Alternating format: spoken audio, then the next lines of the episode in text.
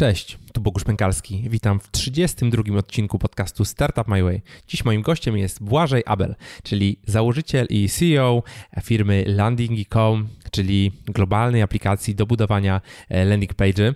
E, Błażej jest już całkiem daleko ze swoim biznesem. Zatrudnia obecnie ponad 50 osób. E, landingi są na ponad 100 rynkach na całym świecie.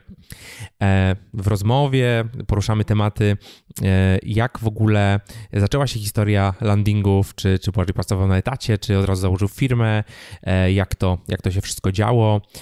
Rozmawiamy mm, o celach, o tym, jak daleko w przód Błażej planuje, jak ustala priorytety, jak wyglądały początki landingów, e, jak to się, jak to się zaczęło. E, proces już trwa e, prawie, prawie 9 lat, więc dużo rzeczy się działo. O wszystkim tym rozmawiamy. Mówimy też o tym, jak to jest być solo founderem, tak? Błażej, Błażej nie ma, nie ma wspólników.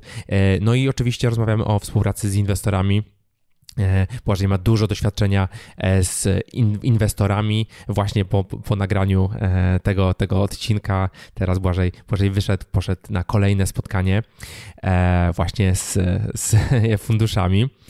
Mówimy o tym, co w ogóle zadecydowało o sukcesie landingów, jak wygląda budowa zespołu, jak się właśnie przeskakuje od tych kilku osób do 20 i do 50 osób, a nawet do 80 czy 90, bo takie plany mają na 2000 2020 rok. E, mówimy też o różnych atakach na landingi, o całym case'ie z wyjściem na, na wschód e, w kierunku właśnie Ukrainy, Rosji i jak e, pewien złoty strzał, wydawałoby się, okazał się mocnym takim ciosem dla, dla landingu, gdzie zespół z 20 zmniejszył się do 8 osób. No i poruszamy również inne, inne tematy związane z, z, ze skalowaniem poza Polską, z budowaniem właśnie globalnego brandu e, i tak dalej, i tak dalej. Więc zapraszam Was do tej e, bardzo, bardzo ciekawej e, rozmowy o tym, jak się buduje własne produkty i jak to zrobić y, globalnie. A teraz przed Wami Błażej Abel. Cześć Błażej. Cześć Bogusz. Witam Cię serdecznie w podcaście, dzięki za przyjęcie zaproszenia. E, tak na wstępie każdego gościa pytam, żeby własnymi słowami powiedział, kim jest i czym się zajmuje. Także kim jesteś czym się zajmujesz? E, wiesz co, określiłbym chyba siebie w pierwszej kolejności jako po prostu przedsiębiorcę, e, który już od 9 lat prowadzi landingi, których jestem założycielem. To już kawałek, kawałek czasu. Wcześniej w 2005 roku założyłem agencję interaktywną, więc w sumie już w biznesie w tym roku minie mi 15 lat. O, I gdzieś tam cały czas y, w internecie generalnie. Natomiast y, prywatnie y, jestem mężem cudownej żony, mam trójkę wspaniałych dzieci, uwielbiam klocki Lego, także ja i podróżowanie, także myślę, że mam jakieś tam wspólne też tematy poza zawodowe. Gdzie, gdzie ostatnio podróżowałeś? Jakieś ciekawe miejsca? Ostatnio udało nam się zrobić z żoną krótki wypad do Singapuru. O, jak polecasz? Bardzo fajnie. Bardzo fajnie.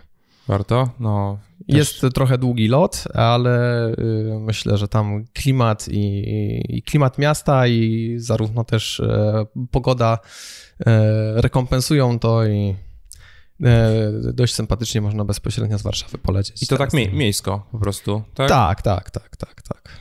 Okej, okay, okej. Okay to, to, to polecamy. E, witamy też e, wszystkich, którzy oglądają nas e, na, na wideo.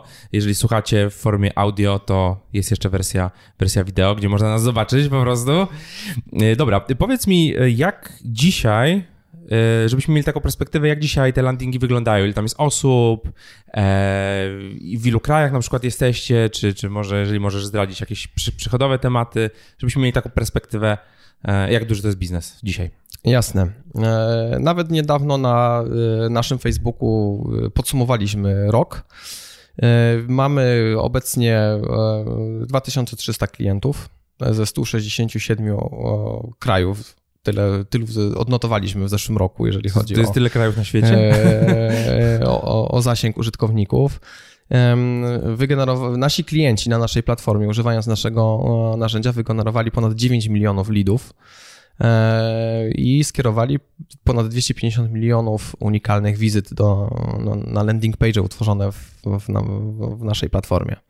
Także jest to już kawałek sporej odpowiedzialności też tego, w jaki no sposób właśnie. budować aplikację i też, ale też taka niezwykła satysfakcja z tego, że po prostu to działa klienci osiągają swoje cele, możemy im w takiej codziennej marketingowej pracy pomóc. W firmie jest obecnie 50, 50 osób. Mamy dwa biura w Gliwicach, w Katowicach, e, no i działamy. Konkretnie, to już biznes, biznes taki powiedzmy w fazie e, nie wiem, wzrostu, jak to się mówi. Czy... No chyba tak już e, do tej, do tej drugiej takiej fazy przechodzimy. No wydaje mi się, że ten podstawowy produkt, w, w oparciu o który teraz budujemy mhm. wzrost, on jest już na bardzo wysokim, dobrym poziomie i to nam umożliwia po prostu e, skalowanie. Więc w pewnym sensie teraz to jest, jest tylko rozwój e, tego podstawowego oprogramowania. Oczywiście mamy tam jakieś pomysły na nowe rzeczy.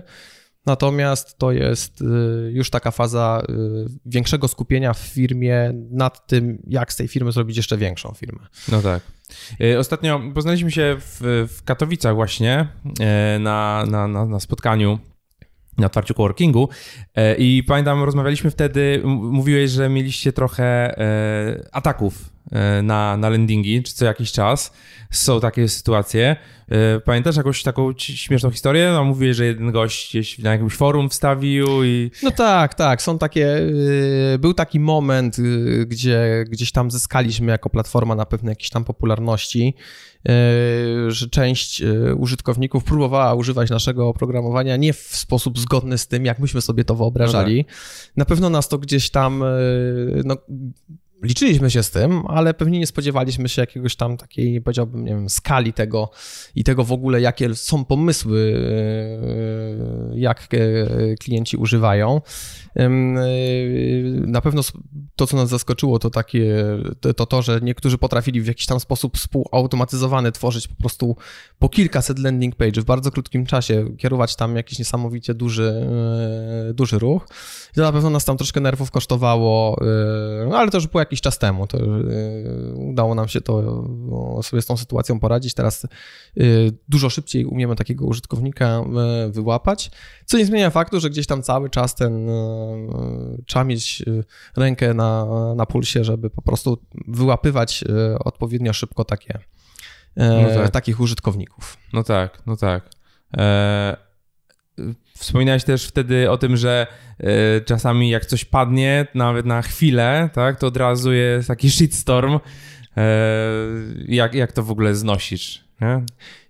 E, odpukać na szczęście teraz yy, mamy bardzo wysoką yy, stabilność naszych rozwiązań, natomiast no, jak w przypadku wszystkich tego typu rozwiązań, Oczywiście. nawet tych największych. Vimeo padło teraz chyba wczoraj. Zdarza się, zdarza się, że po prostu gdzieś tam ta dostępność na kilka czy kilkanaście minut E, znikają. Najczęściej to nie jest tak, że taką niedostępnością są objęci wszyscy klienci, to jest zawsze jakaś tylko, jakiś tylko fragment e, tych klientów. Natomiast e, rzeczywiście, tak jak mówisz, no gdzieś od razu z racji właśnie też tego, że długo już robię ten, ten biznes, dużo osób mnie zna, no to gdzieś tam często na, na Facebooku, czy bezpośrednio do mnie jakiś tam telefon, ale i na saporcie jest automatyczny jakiś tam pik po prostu tego i to oczywiście jest dla nas zawsze trudna sytuacja. My już oczywiście zawsze wiemy, zanim ci klienci dzwonią, to my już wiemy, że taka sytuacja jest, już pracujemy nad, nad e, rozwiązaniem problemu.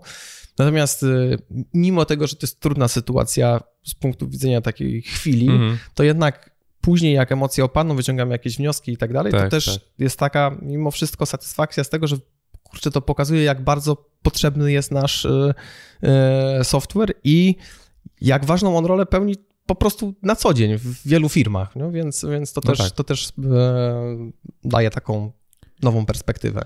No właśnie, a no, zakładam, że już teraz e, powiedzcie, że się mylę, e, że już teraz trochę nie jest tak, że na przykład budzisz się w nocy i o kurde, czy aplikacja działa, czy nie działa. Miałeś, miałeś takie sytuacje? Bo ja na przykład miałem gdzieś tam na początku, że po prostu budzę się i o, czy działa, czy nie działa.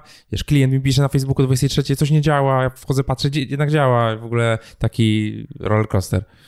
Y, nie budzę się w nocy. No, to już teraz. To... nie budzę się w nocy. Natomiast y, nie ukrywam, że szczególnie kiedy były te takie, pojawiły się te takie zawirowania y, z dostępnością, no to dzień rozpoczynałem od tego, żeby sprawdzić, jak tam e, uptime się rozkładał za, no tak. w nocy, nie? Czy tam w tym czasie, kiedy jednak druga część półkuli funkcjonuje i, i też pracuje po prostu marketingowo. No tak, to trzeba podkreślić, że to jest taki, no o tym się nie mówi, jak ktoś nie, nie buduje swoich produktów, które działają po prostu wszędzie, jeszcze globalnie, tak? Ja to tam jeszcze działam w Polsce, no to powiedzmy w nocy można coś naprawić, w razie czego. E, też się zdarzało jakieś, jakieś rzeczy, że się po nocy się działo i coś, coś, się, coś się fiksowało. Teraz już cały czas się to nie zdarza.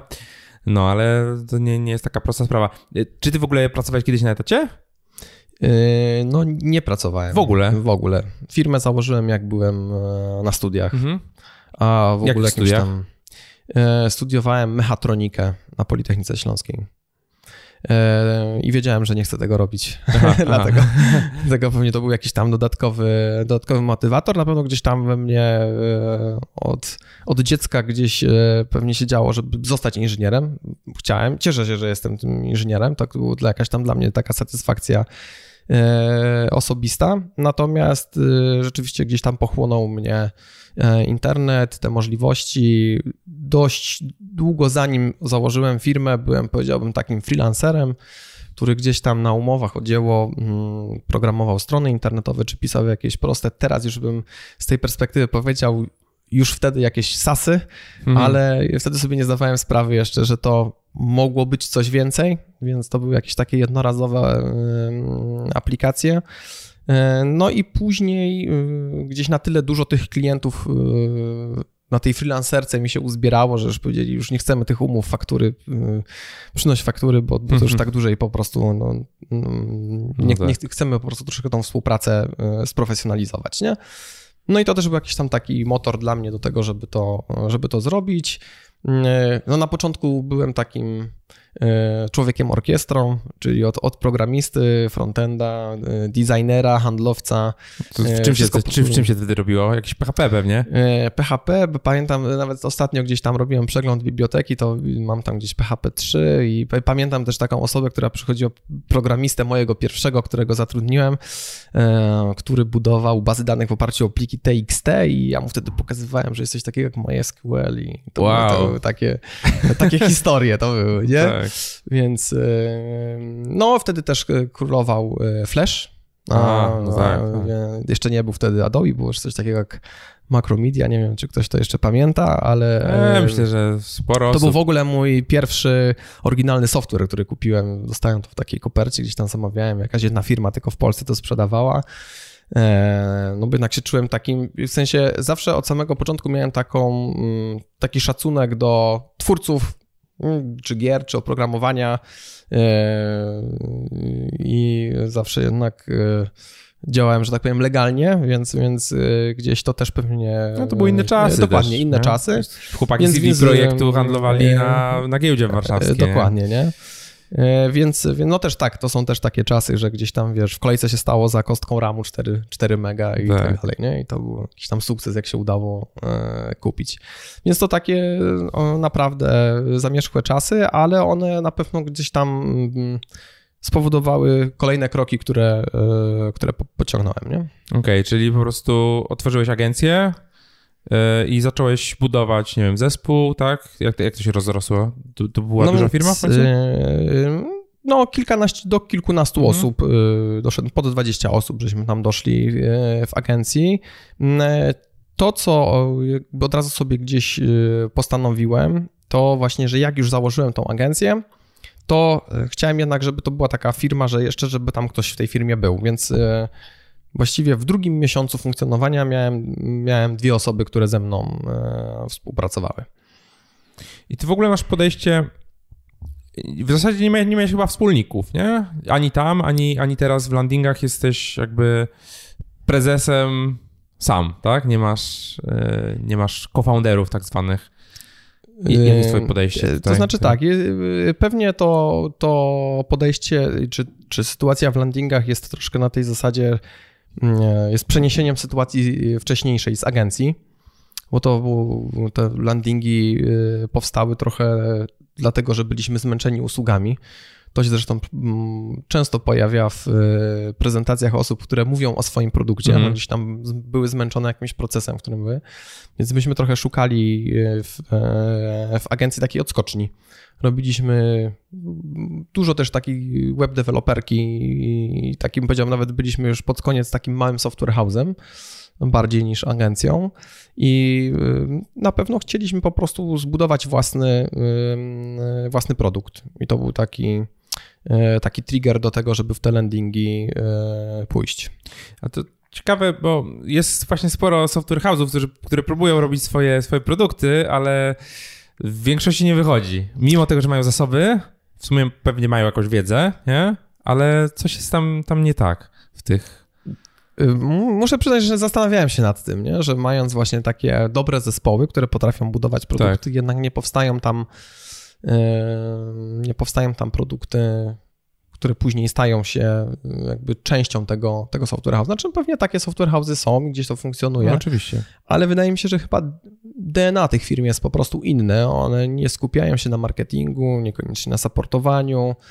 Y, ja na przykład widzę teraz z perspektywy czasu, y, jak rozwijaliśmy landingi, że w momencie dopiero, kiedy mieliśmy 100% kompetencji w firmie na pokładzie na co dzień, to dopiero zaczęła nam się układać e, praca. I to jest, e, wydaje mi się, też taki wyróżnik e, pewnie nie tylko landingów, ale ogólnie firm tego typu, że masz 100% kompetencji w firmie.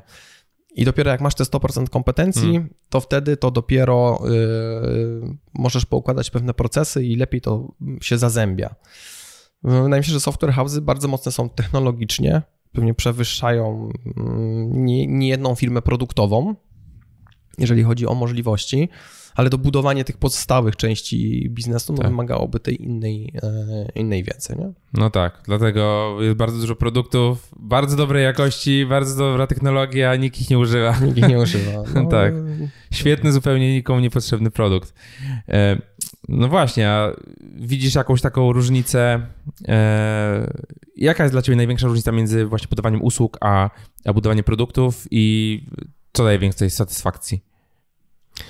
Wiesz co, obie... Y, U ciebie, nie? U mnie. Nie, nie, nie możemy generalizować, bo każdy, każdy ma inne podejście trochę. Powiem tak, e, na, na pewno y, właśnie z racji jakiegoś tam inżynierskiego podejścia i też tego, że dużo osób w firmie ma, powiedziałbym, bardziej techniczne podejście, to zdecydowanie budowanie produktu jest dla nas bardziej interesujące.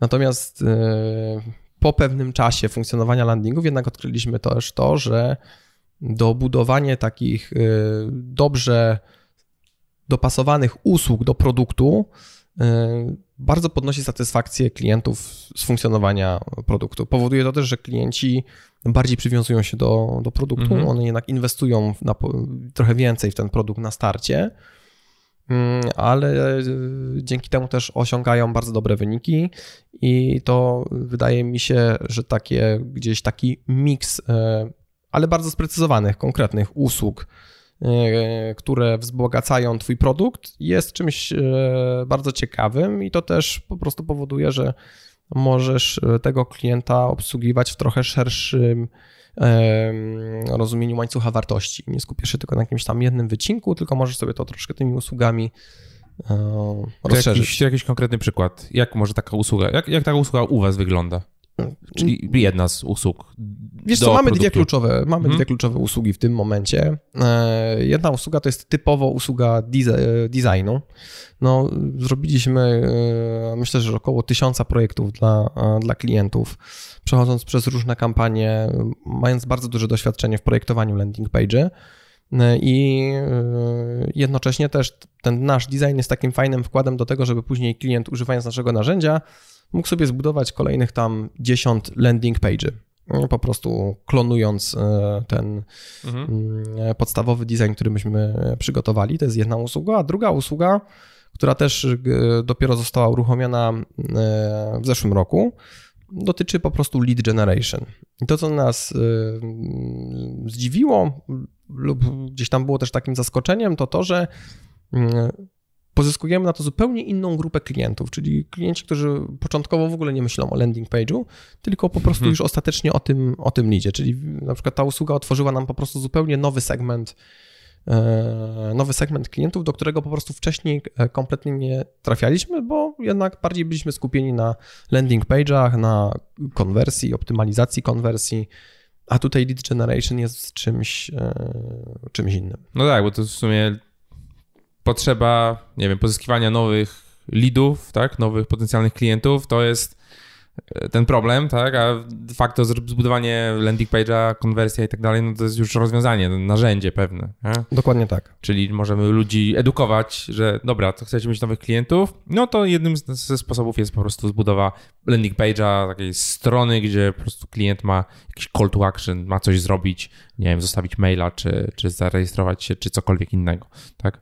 Dokładnie tak. E, dobra, a jak wyglądało to przejście. E, w ogóle skąd, skąd ten pomysł powstał na landingi? Gdzie, gdzie, gdzie było to przejście e, między, między agencją i, i, i produktem? Kto to zaczął robić? Skąd w ogóle? Jak, jak, to, jak to wyglądało? No tak, ta historia ma kilka początków. Na pewno Pierwsze... O ile pamiętasz, bo to dawno temu Pamiętam, było. pamiętam. to było tak, że myśmy bardzo dużo robili ogólnie web developmentu więc mieliśmy doświadczenie w, w produkowaniu generalnie stron mhm. internetowych. I tam e, była cały czas próba optymalizacji tego procesu, no bo trochę jest tak, że z każdym klientem odkrywasz Amerykę na nowo. On przychodzi, jest brief, robić jakieś tam mock-upy, potem tak, design, tak, a później tak. trzeba to wdrożyć, jakiś CMS i tak dalej, i tak dalej. Więc e, na pewno gdzieś tam na przestrzeni czasu w agencji to trzy albo cztery CMS-y żeśmy napisali, więc to gdzieś tam cały czas było, e, było nam bliskie, aby gdzieś ten proces tworzenia strony upraszczać. Później mocniej żeśmy weszli we współpracę z, z Google i w e, kampanię e, Google Ads. I tam pojawił się taki problem, że widzieliśmy, że strony internetowe klientów, którzy do nas się e, zgłaszali, one po prostu nie nadawały się do kampanii. Nie, nie było szans na to, żeby tam po prostu jakiś lead e, mógł trafić, bo albo nie było formularza, albo ta strona po prostu była zrobiona przez syna prezesa i była nie do, e, nie do zmiany, że tak powiem, nie? Więc, więc oni mieli po prostu duży taki emocjonalny przywiązanie po prostu do tych stron, które, które mieli. Było ciężko je po prostu zmodyfikować. Więc byśmy proponowali te landing page. Niektórym klientom udawało się je sprzedawać, a niektórym nie, ze względu, no, mamy jakąś tam świadomość, że mali przedsiębiorcy każdą złotówkę oglądają z dwóch stron. Jeżeli wydaje e, powiedzmy 1000 czy 1500 zł na kampanię w Google Ads, a tu mu gość mówi, że jeszcze dwójkę trzeba dorzucić za landing page'a, to on woli dwa miesiące. To jakby myślenie, nie mając pewnej wiedzy, jest, jest proste i przeliczanie jest e, inne, więc widzieliśmy to też, że Problemem jest to, że landing page jest generalnie drogi. I nadal, no tak. i on nadal w wielu przypadkach, w wielu firmach obserwujemy, że e, jest drogi i ten proces e, gdzieś tam, e, jak trafiają na nasze narzędzie, to gdzieś się oczy otwierają dopiero, że można to po prostu robić inaczej. Więc to jest na pewno taki, to był taki, taki dwa, dwa wątki, które spowodowały, że koło tego zaczęliśmy szukać optymalizacji. Wtedy też e, gdzieś tam obserwowaliśmy, co się dzieje na świecie i zaczął się wtedy taki trochę buzz wokół tego słowa landing page. E, ruszyła też wtedy firma mm, Unbounce, e, którą też myślę, że większość osób z marketingu mhm. gdzieś tam po prostu kojarzy, bo mają świetne treści i, i bardzo fajny marketing i to są też takimi, powiedziałbym, um, um, no, edukują generalnie branżę w obszarze tego, tych, tych landing page'ów. Mają taką misję z tymi landing page'ami.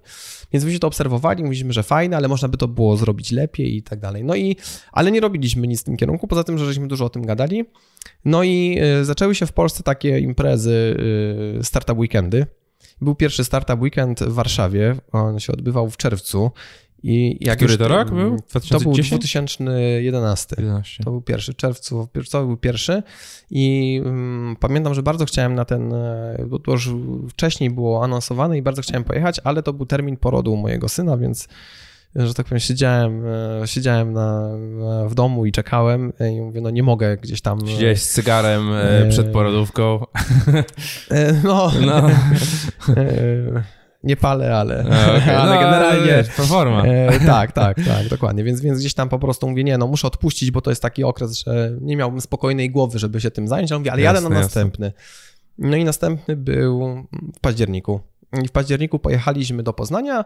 W agencji też rzuciłem hasło, słuchajcie, kto ma ochotę trochę się oderwać od tego codziennego takiego pracy, pracy z klientem i tak dalej. Jest taka impreza, Startup Weekend, tam można przez dwa dni pracować tak, nad tak. produktem i, i, tak dalej. No i tak żeśmy pojechali, ale zupełnie bez żadnej pompy, ciśnienia i ten. Ja miałem na kartce przygotowane kilka pomysłów. To nie było tak, że to z tymi landingami jedziemy. W ogóle nawet nazwy nie mieliśmy jadąc, e, jadąc tam, tylko po prostu gdzieś te landing page. Więc miałem tą kartkę, no i każdy tam wychodził, minuta jest na pitch i, i potem jest to głosowanie. No i bardzo pozytywny w ogóle był wydźwięk tego. Dostaliśmy bardzo dużo głosów, no i to nas tak zmotywowało do tego, jednak taki zespół się zmobilizował, no i zaczęliśmy po prostu pracować nad tym, w ogóle zacząć się zastanawiać nad tym, jak to e, jak to zrobić dobrze. No i to było też fajnie, bo było dużo mentorów, ciekawych osób, które nas podchodziły, dzieliły się jakimiś tam przemyśleniami. To nas tylko utwierdzało w tym, że to rzeczywiście jest jakaś tam taka ciekawa nisza w tym marketingu, mm -hmm. którą możemy spróbować e, zająć. No i tak e, generalnie tak generalnie to się zaczęło i potem już po prostu było tak, e, byliśmy nakręceni po tym startup weekendzie, zresztą tam e, też dostaliśmy wyróżnienie, że byliśmy tak utwierdzeni, że zaczął być to taki side project w agencji. Po prostu każdy wolny czas inwestowaliśmy w, w ten projekt. No i tu chyba trochę też wracając do tego twojego początkowego pytania odnośnie bycia tym takim self-funderem, mhm. to, to z tego to trochę wynika, że właśnie no przez to, że byłem właścicielem agencji, no i jednak y, ten projekt powstawał za moje pieniądze, tak? No, tak, tak. Inwestowałem ten czas i płaciłem za ten czas y, y, w agencji. No i pewnie gdzieś ta po prostu ten, ten model został przeniesiony do, do landingów. Nie było to na takiej zasadzie, że gdzieś tam żeśmy wyjechali, wpadliśmy wszyscy na ten pomysł i jakoś podzieliliśmy się pracą. Nie tylko był to taki był to taki płynny proces przejścia z jednej firmy e, do drugiej, no a gdzieś ta struktura właścicielska po prostu mm, została zachowana. I jak zaczęliście budować ten projekt? Jak wyglądały te prace na początku i kto był klientem? Zakładam, że jak mieliście klientów agencji, to każdy taki klient dostał landing page'a. E, tak, próbowaliśmy. E, natomiast długo w ogóle trwało, zanim powstał produkt taki, ten, te MVP takie, które żeśmy mm -hmm. chcieli, bo co innego popatrzeć, jak ktoś zrobił i skrytykować i powiedzieć, ja bym to zrobił lepiej, a co innego, jak zaczynasz to robić. Tak. I nie robisz tego lepiej przez długi, przez długi czas, więc e, myśmy, gdzie zajęło nam to dobrze ponad pół roku, zanim stworzyliśmy taką wersję, którą można było e, używać. Teraz e, troszkę E, jak to się tam. Teraz byśmy zrobili to lepiej. Teraz byśmy zrobili to lepiej, ale, ale już z perspektywy czasu, nawet gdybym zaczynał kolejny projekt, kolejną firmę, to na pewno wiemy, że trochę teraz mamy dług technologiczny, który w pewnym sensie sięga nawet tych pierwszych, tych pierwszych, jakichś tam pierwszych takich decyzji, tak. które gdzieś tam żeśmy podjęli. Więc namawiam wszystkich e, programistów, twórców i tak dalej, lepiej po prostu zrobić krok wstecz, przemyśleć dobrze albo po prostu rzeczywiście zrobić jakąś wersję na zweryfikowanie rynku, a później to zaorać i zbudować od nowa, bo mm, później jak się coś ciągnie, no to to się ciągnie długo. I, i, im dalej jest firma, tym trudniej się z tego wychodzi, jest to bardziej kosztowne. Więc na pewno y, też brak doświadczenia w budowaniu produktów. No ok, budowaliśmy strony CMS-y i tak dalej, ale to nie były produkty, które dostarczane były globalnie dla dużej skali klientów i gdzieś tam w przeglądarce i w takim modelu self-service, który też wymaga dobrego UX-a i takiego zrozumienia tego, jak to ma działać. Więc to długo trwało. Pamiętam, pamiętam, że długo czekaliśmy na taką pierwszą, bo to nie sztuka sprzedać taki produkt komuś, kogo znasz. Tak. To tak. tam klient, klient z agencji czy ktokolwiek, to oczywiście można zweryfikować, że ktoś jest zainteresowany i to kupi. Natomiast yy, pamiętam, że jak uruchomiliśmy pricing i czekaliśmy na pierwszą wpłatę i pamiętam, że po prostu robiłem zakupy yy, po południu i nagle gdzieś tam miałem system notyfikacji. I przyszła ta pierwsza, pierwsza płatność, to, to było w maju yy, 2012. czyli od, od października 2011 tyle trwało do tego, żeby kupił to ktoś, kogo ja nie znałem. Po prostu kto wszedł do internetu, tak. założył konto i to kupił. To była taka satysfakcja. Po prostu tak mi się ta gęba śmiała na tych zakupach. I tutaj wiesz, do kosza y, pieluchy i inne rzeczy, a tutaj dostajesz tego, wiesz, tą wpłatę z PayPala, że Do, dokładnie wiem, o czym mówisz, bo tak, 5 tak. lat później, w 2017, też w maju, ja y, na swoim produkcie zrobiłem za pierwszą subskrypcję no, roczną. Widzisz, czyli maj to jest dobry jednak miesiąc. Y. Maj to jest dobry miesiąc, dokładnie. tak. Nie miałem powiadomień, to chyba wtedy jeszcze ręcznie wystawiałem fakturę, wysyłałem po prostu, mimo że to SAS, ale nic nie mieliśmy zautomatyzowane, no ale to nie mieliśmy tak. załogi, tak? Tak, tak no i to było takie, wiesz, to było takie tak, tak, tak. potwierdzające, o, to działa, nie? W końcu. Mimo, mimo tego, że wcześniej zarabiałeś dobre pieniądze na agencji, tak? Czy, czy ja jako, jako programista doświadczony też zarabiałem dobre pieniądze, poda 500 zł, czy, czy wiesz, w sumie nieduże pieniądze, ale to jest jednak o, radość, ta inna satysfakcja. E, tak, tak, tak, zupełnie inny, e, no inny, inny poziom tej, tej radości, nie? Bo to taka długa praca, i, i czekasz, e, wiesz, na, tam nie pamiętam, to było, wydaje mi się, że 19 dolarów to wtedy było.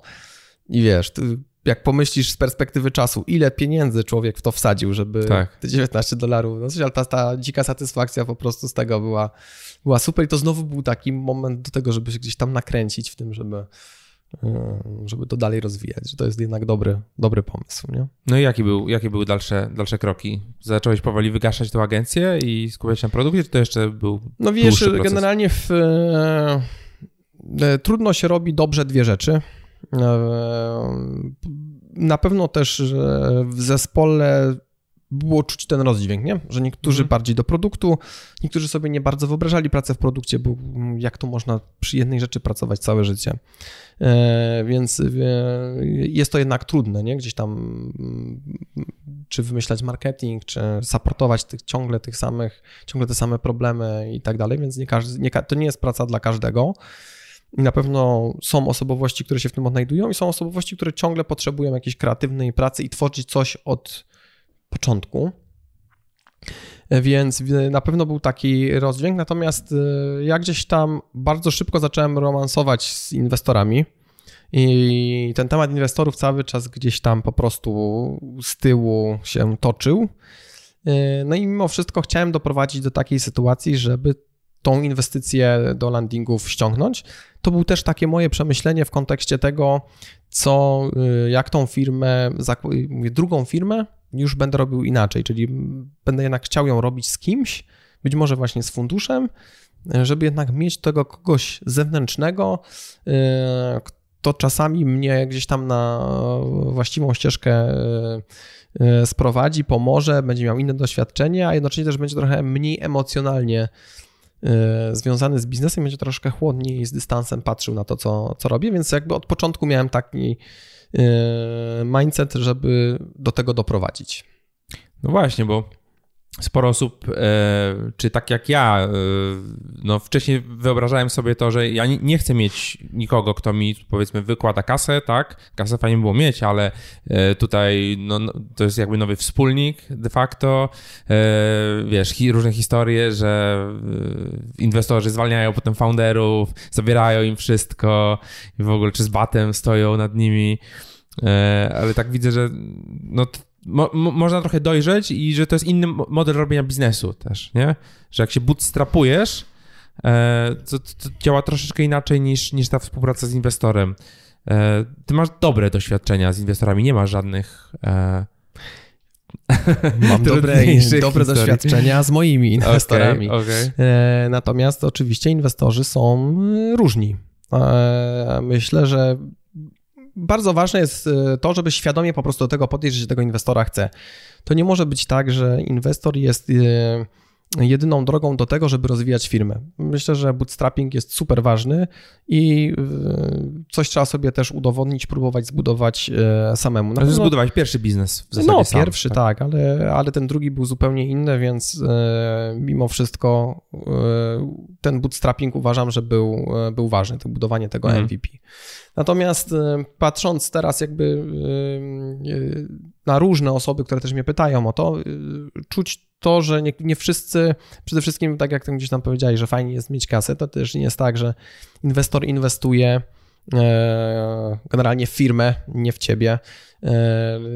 Masz jakiś plan finansowy, który musisz e, e, generalnie zrealizować, więc e, to ułatwia, ale też narzuca pewien rygor pracy i na pewno zmienia taki sposób, do którego pewnie gdzieś tam byłem też przyzwyczajony z agencji, gdzie ma się tą pełną dowolność tego, jak, te, jak się tym, tymi finansami steruje. Więc generalnie uważam, że to musi być po prostu świadoma decyzja, że chcemy rozwijać, e, chcemy mieć tego partnera i wtedy już, e, jeżeli to jest świadoma decyzja, to też świadomie dobiera się tych inwestorów, z którymi się rozmawia. Patrzy się, w jakiego rodzaju biznesy inwestują, patrzy się, jakie mają spółki w portfelu, bo to prawdopodobnie daje pewną gwarancję, że zrozumieją tak, tak. twój biznes, że będą potrafili też ci pomóc, będziesz miał dostęp też do ich e, networku i będziesz mógł po prostu z innymi funderami innych spółek dość szczerze porozmawiać, co jest później niezwykle cenne przy budowaniu, e, przy budowaniu firmy. Więc to po prostu zdecydowanie to musi być przemyślany e, proces. I jakie były Twoje działania, jak stwierdziłeś, że dobra, to chcemy mieć jakiegoś inwestora? Nie wiem, robiłeś research, pytałeś ludzi, z kim warto współpracować? Jakie to były mniej więcej kwoty, jeżeli możesz powiedzieć? Tak, znaczy mogę powiedzieć, w sensie ten początek był dość ciekawy, bo myśmy mieli ofertę, ofertę inwestycyjną pierwszą już w październiku, że tak powiem, po startup weekendzie. Mhm. O. I pamiętam, pamiętam, że to była propozycja 50 tysięcy za 20%. bardzo kusząca. Bardzo, bardzo kusząca. kusząca. Y, myślę, że y, te osoby, które tą propozycję składały, też się teraz troszkę jako inwestorzy wyrobili i pewnie by takiej oferty teraz nie złożyli, ale to były takie czasy wtedy, Jasne. prawda? Tak, no. tak, tak. Bo to i tak dobrze brzmiało, bo większość funduszy chciała 49, tak? To były takie, takie praktyki wtedy na rynku. Wiem, że później, miesiąc później dostaliśmy kolejną propozycję. E, I tam już było 320 e, tysięcy za, ale bodajże za 40%. No ale to wszystko jakoś tak nie bardzo. W sensie raz to się za szybko działo mhm. i miałem mało, za mało czasu na przeanalizowanie i generalnie z obu tych E, propozycji się e, wycofałem. Mhm. Mówię, nie, to trzeba trochę ugruntować i tak dalej e, i zobaczymy, co, co będzie. No i tu gdzieś zresztą poznałem Marka Kapturkiewicza na, na Startup Weekendzie właśnie w Poznaniu, ale gdzieś tam z Innovation Nest dość długo rozmawiałem. I to było raczej na zasadzie takiego mentoringu, tego, żeby nie szukałem jeszcze inwestycji bezpośrednio, ale pamiętam taką rozmowę, zresztą Piotr Wilan w Katowicach wtedy też miał e, wystąpienie i bodajże to było, nie wiem, w, w sierpniu albo we wrześniu 2012 y, roku. No i mówi, słuchaj, będziesz miał 20 klientów, to przyjdź, e, pogadamy, nie? No i rzeczywiście gdzieś tam mi to utknęło, też się muszę się skupić na tej sprzedaży, na tym potwierdzeniu tego, że ten model działa, że ci klienci kupują, że są z różnych krajów i tak dalej, więc, więc było to dla mnie gdzieś tam e, motywujące. No i rzeczywiście gdzieś tam spotkaliśmy się w grudniu. E, przyjechałem do Innovationist i mówię, no znali już ten projekt z wcześniejszych jakichś tam warsztatów i spotkań. Mówię, słuchajcie, jest 20 klientów, przyjeżdżam. E, była umowa? Dokładnie, była umowa, ja dowiozłem, ja dowiozłem. Jesteśmy tu i tu, co sądzicie i tak dalej. Wtedy to był taki moment, który też był dla mnie interesujący, bo Innovationist uruchamiało E, taki program Accelerate. I w ramach tego Accelerate'u e, otrzymaliśmy inwestycję 75 tysięcy złotych za 8%. Czyli jak, jakbyśmy no. popatrzylibyśmy z perspektywy tych trzech, e, tak, tych tak. trzech propozycji, ona była taka w porządku, no bo to tak nie boli cię to 8%, masz coś na start, no i masz tego partnera takiego super, który gdzieś tam po prostu jest w stanie cię na inny poziom mm, prze, przerzucić. No a, i, a jakimi, jak możecie przerzucić na ten inny poziom? No właśnie tym, że mimo wszystko, jak wchodząc w taki program i mając te doświadczone osoby, które tam w tym programie uczestniczyły jako, jako mentorzy, plus też tam był wyjazd do Stanów, e, więc też zupełnie jakby inna e, perspektywa patrzenia na, na biznes i pewne ramy i pewne takie jednak mimo wszystko e, nakręcanie tego, żeby pracować intensywnie, testować i od tej strony takiego y, customer developmentu i produktowo i było trochę tych pieniędzy na to, żeby coś tam więcej po tak, prostu tak. popróbować, no to to dało taką trochę weryfikację w lewo albo w prawo. Zresztą też tak było, bo to 8, 8 spółek było w tym pierwszym Accelerate i y, później Innovations się zdecydowało zainwestować w, y, w cztery z tych, z tych ośmiu. A prowadząc agencję miałeś w ogóle gdzieś w, w głowie, czy, czy w jakichś swoich celach, że, że kiedyś zbudujesz jakiś produkt, czy w ogóle inaczej sobie wyobrażałeś tą swoją, swoją przyszłość? Nie, no tak sobie to wyobrażałem. W sensie, że to jednak yy, gdzieś do tego produktu yy, będziemy dążyć. Gdzieś tam UX mi był bardzo bliski i też yy, lubiłem u, używać innych produktów i gdzieś tam widziałem w tym jakiś swój jakąś swoją drogę. Jestem generalnie taki, powiedziałbym, lubię tworzyć. Nie? To mnie zawsze cieszy, jak coś, jak coś buduję, coś tworzę. Może to z tych klocków się no bierze, No właśnie, nie? ja to powiem ci, że no, ja mam no, podobny no, no background no, też, że zafiksowany byłem na, na klocki Lego, myślałem, że będę się bawił do końca życia. No, teraz wraca z, z, dziećmi, na razie duplo, ale już niedługo Lego. E, I też, też właśnie lubię, lubię tworzyć, coś w tym jest. A w ogóle wyznaczasz sobie takie cele długoterminowe? E, wyznaczam sobie cele długoterminowe. E, pytanie, co to znaczy cel długoterminowy? No myślę, e, obecnie poruszam się taką perspektywą trzech lat do przodu. Okej, okay, czyli nie 2050? Nie, 2050 nie, to wydaje mi się, że to jest, to jest daleko. Wydaje mi się też, że, i to zresztą tam pewnie gdzieś przejdziemy, mimo wszystko na startupy oddziaływuje to, co się dzieje też na rynku. E, i włącznie z tym, co się dzieje w polityce. Więc e, myśmy tego doświadczyli e, pracując z rynkiem wschodnim i tym, co się wydarzyło na Ukrainie i, no i w Rosji i, i, tym, że sprzedawaliśmy nasz produkt tam bardzo dobrze z racji tego, że landingi były generyczną nazwą na landing page, również w rosyjskim internecie. A skąd ta nazwa w ogóle? Kiedy, kiedy to no, powstało?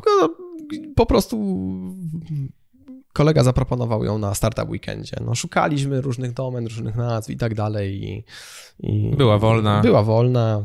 Bez jakiegoś tam większego też analizowania po prostu żeśmy ją... Zagraniczne rynki typu Amerykanie mają problem z tym, że landingi? Czy... E, jak oni to wymagają? Landing? Różne, różne. E, za niedługo powstanie taki film, który trochę właśnie będzie tej tematyki e, dotykał. Landingi, landingi, landingai. E, ale dużo, ale dużo klientów mówi landingi e, e, mimo wszystko.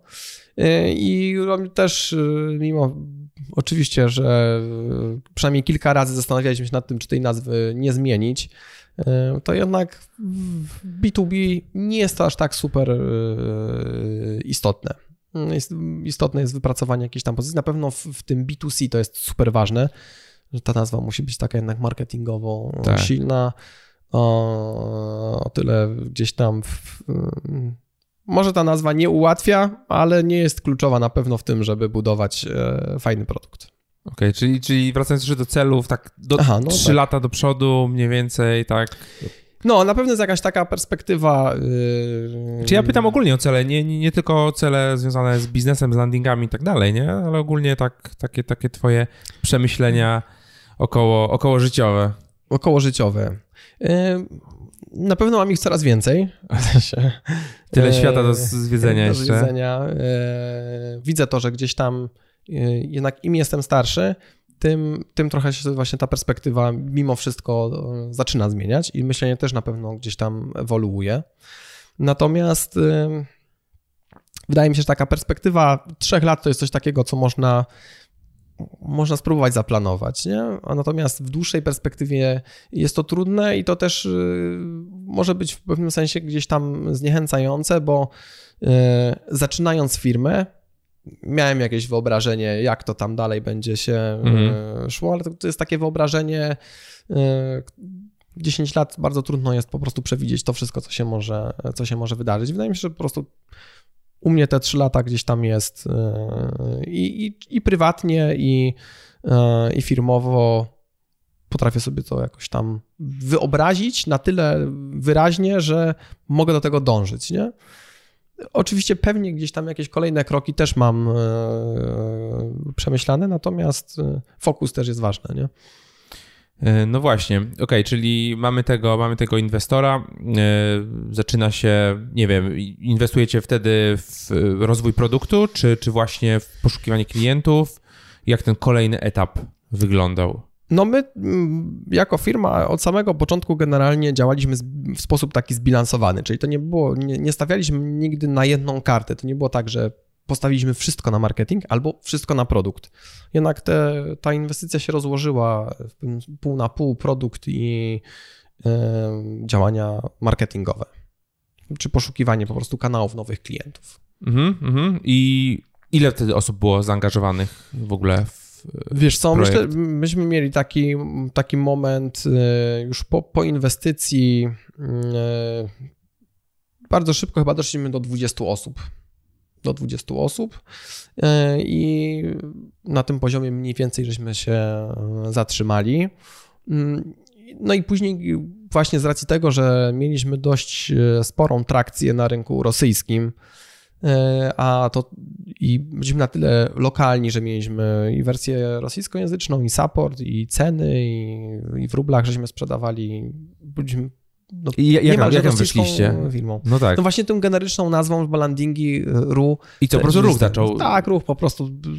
I wtedy stwierdziliście, Kupiliśmy dobra, tylko to... domenę, kupiliśmy tylko domenę i zrobiliśmy tylko tłumaczenie i to się zaindeksowało. Po prostu ludzie w, w, w rosyjskim w Yandexie i w rosyjskim Google wpisywali landingi jako landing pages, nie? Tylko po prostu po rosyjsku landingi oni mówią, nie? Więc to po prostu była generyczna nazwa i zassało nam po prostu na tym, na, na tym rynku. No i co, szybka decyzja, też, dobra, szybka działamy. Decyzja, tak, tak, tak. To była taka decyzja i to była też taka decyzja po, po wycieczce do Stanów. Jak tak pochodziłem tam po tych różnych firmach, pospotykałem się tam z tymi osobami powiedziałem, Boże, oni są tak po prostu e, tysiąc kroków e, przed nami, że ten rynek jest nie, nie do zdobycia, więc może strategią firmy taką alternatywną w stosunku do innych SaaSów będzie to, że się otworzymy właśnie na rynki nieanglojęzyczne i taka była koncepcja. Otworzyliśmy rynek rosyjski, później otworzyliśmy rynek e, brazylijski, były też próby języka e, francuskiego, no i polski, angielski, więc pięć wersji językowych. No ale to, tak jak mówię, ostatecznie i co tam się wydarzyło? Co no właśnie, tam się wydarzyło? Się wydarzyło na, no to na tym wschodzie to, to, to wydawało myślę, się, że, że złoty strzał. Nie? Tak, wydawało się, że złoty strzał, natomiast e, tak myślę, że jak większość, e, większość osób wie, e, wydarzenia na Ukrainie, zresztą tak się złożyło, że byłem świadkiem tych wydarzeń, ponieważ Dużo wcześniej, e, zresztą właśnie Innovationist e, powiedzieli, słuchaj, wymyśliłeś sobie ten rynek rosyjski, to teraz się pakuj w samolot i leć tam z tymi klientami rozmawiać. Więc dużo wcześniej zaplanowałem taką wycieczkę do Kijowa na tydzień i do Moskwy. No i jak dotarłem do Kijowa, to mieszkałem 200 metrów od e, Majdanu i jak przyjechaliśmy, to akurat ludność zdobywała ratusz, naprzeciwko którego żeśmy Ach. mieszkali, gdzieś tam szyby, szyby czaskali i tak dalej, więc byliśmy przerażeni. Siedzieliśmy po prostu w mieszkaniu gdzieś tam na siódmym piętrze i po prostu patrzyliśmy z okna, co się tam, e, co się tam działo. E, musiałem sobie nakleić naklejkę w ogóle na kurtkę, że nie jestem tutaj za pieniądze, bo tam byli szpiedzy, Rosjanie i tak dalej. Tam się różne dziwne rzeczy po prostu działy, więc musiałem jak najbardziej, że tak powiem, lokalnie wyglądać. Dobry z naklejką, tak dokładnie, z naklejką, z flagą Ukrainy. Tak poruszałem się i tak dalej, ale to jakby wiesz, no nawet dwa razy mieliśmy taką sytuację, że po prostu na, te, na, ten, na te oddziały Berkutów po prostu trafiliśmy gdzieś tam e, w mieście i tam się różne naprawdę niebezpieczne rzeczy e, działy. No i łącznie z tym, że jeden pracownik, który był Ukraińcem, po prostu został tam na tym Majdanie i powiedział: Słuchaj, ja rzucam robotę, bo mój kraj po prostu mnie mhm. potrzebuje i tak straciłem jednego, jednego Aha. pracownika, który po Kurczę. prostu już nie wrócił ze mną do, do Polski, bo gdzieś tam po prostu taki patriotyzm jego. Aha, on z E, Polski przyjechał z tobą Tak, po prostu. tak, tak. tak. E, Więc, e, więc, więc tak to się zakończyło. No i oczywiście w konsekwencji tych politycznych wydarzeń nastąpił spadek ceny rubla. A myśmy w rublu sprzedawali i ten, ten rubel poleciał w, w przeciągu kilku miesięcy, stracił około 50% wartości, no i myśmy stracili 50% przychodów. E, W związku z czym mieliśmy bardzo poważny problem cashflowowy w firmie i mm, nie wiedzieliśmy po prostu co zrobić. No i to też Główne przychody mieliście po prostu stamtąd Główne wtedy. przychody były tak, tak. Mieliśmy około, z tego co pamiętam, to było kilkuset klientów e, z Rosji. Teraz dla porównania mamy 12 bodajże, czy 8, coś takiego. Więc ten rynek zupełnie gdzieś tam nam się Ten rubel wywrócił. wrócił na ten... Nie sprawdzałem. Nie, nie. Obraziłem się na, na Okej, rubla generalnie i y, nie sprawdzałem go już. A dalej macie ten ruch? Na... Nie, nie, nie, nie, nie. W ogóle odcięliśmy się od tego rynku, także Nawet wersji Mm. językowej nie macie? dosłownie tydzień temu ona została y, ostatecznie usunięta. Aha. Także wszystko zostało e, usunięte. Tam też dochodzą jakieś e, kwestie, które się e, zmieniły też, jeżeli chodzi o dostępność serwerów. Rosjanie chcą, żeby to tam było u nich, wycinają tego Amazona. My akurat mamy rozwiązania oparte o, e, o AWS-a. Dokładnie, więc, więc tam też się pojawia problem z dostępnością. A poza tym no, nie jest to rynek taki kaloryczny, żebyśmy po prostu na nim mm, chcieli funkcjonować. Czy skąd dzisiaj głównie macie klientów? No, Polska jest największym rynkiem, no bo mimo Jednak. wszystko jednak, natomiast Polska stanowi 25% przychodu. Drugim rynkiem e, są Stany Zjednoczone, trzecim jest Brazylia. I później tam czyli UK, najwięcej klientów z Polski, UK, i, Kanada, ale tak. tylko to jest 25%. ale to jest tylko 25% i to jakby cały czas, s- mimo że ten rynek polski rośnie, to jednak wszystkie pozostałe rynki rosną nam szybciej, więc e, z roku na rok Polski w, stos- w stosunku do reszty klientów jest coraz mniej, nie? Y, czyli wy startowaliście w ogóle po angielsku na początku, czy po polsku? Po polsku i po angielsku, i po polsku. Y, I jakby od razu myśleliście, żeby iść globalnie z tym? Nie, nie było Tak, takiego myślenia, tak, że nie, dobra, nie, nie, od razu. w Polsce i... Od razu. Myślę, że to też gdzieś tam zasługa innowy, gdzieś tam Aha. innovationness, nie, nie, to globalnie trzeba robić i tak dalej, więc po prostu globalnie żeśmy do tego podeszli. Aha, czyli w ogóle nie było, no okej, czyli to jest też jeden z plusów takiego doświadczonego inwestora, czy tych doświadczeń w Stanach. Tak, tak. Nie myślałem, o, e, będąc zupełnie szczerym, nie myślałem, zaczynając to, żeby to robić e, globalnie, tak? Natomiast e, na tyle, że tak powiem, włożyli mi do głowy ten, tą melodię z tym, że trzeba to robić globalnie, trzeba próbować przynajmniej to zrobić globalnie. E, I później, jak się w to trochę gdzieś tam zagłębiłem, zobaczyłem tro- trochę historii różnych firm, jak to się gdzieś tam e, rozwijało. No, to był taki no-brainer, więc, więc po prostu od razu żeśmy poszli. e, Tylko, żeby też, to trzeba też zaznaczyć, że zrobienie wersji językowej to nie jest. To nie jest jeszcze ruch w kierunku bycia globalną firmą. nie? No tak, No, tak, to- tak, tak, tak. A w ogóle masz jakieś takie przemyślenia, no bo tak mówiłeś, że patrzę, co się dzieje w Stanach, e, to też mój, mój poprzedni, poprzedni gość e, mówił bardzo podobne rzeczy, że byli na akceleracji w Stanach i po prostu zobaczyli, że tam fundusze mają, wiesz, kapitalizację 50 miliardów Tak, tak. dolarów i tutaj e, fundusz im mówi, że oni chcieli, nie wiem, chyba 3 miliony dolarów za, nie wiem, 10%, a fundusz mówi, nie, nie, nie, to ja my wam damy 5 za te 10%, za to samo damy wam 5 milionów, bo to nie ma sensu, nie? Będziecie mieli za mało i potem e, to zupełnie inne, inne myślenie. Czy, czy masz jakieś pomysły, jak zrobić, żeby ten rynek polski startupowy jednak trochę się rozwinął i żebyśmy zaczęli budować takie produkty, które naprawdę są potężne na świecie. Mamy kilka takich produktów, powiedzmy, ale no, to jeszcze nie jest to. Co zrobić? Masz trochę doświadczenia. E, Powiem Ci szczerze, że się nad tym e, nie zastanawiałem. Rzeczywiście e, analizowaliśmy to nawet gdzieś tam w firmie, że jest w ogóle taki problem, że nie ma się za bardzo od kogo uczyć.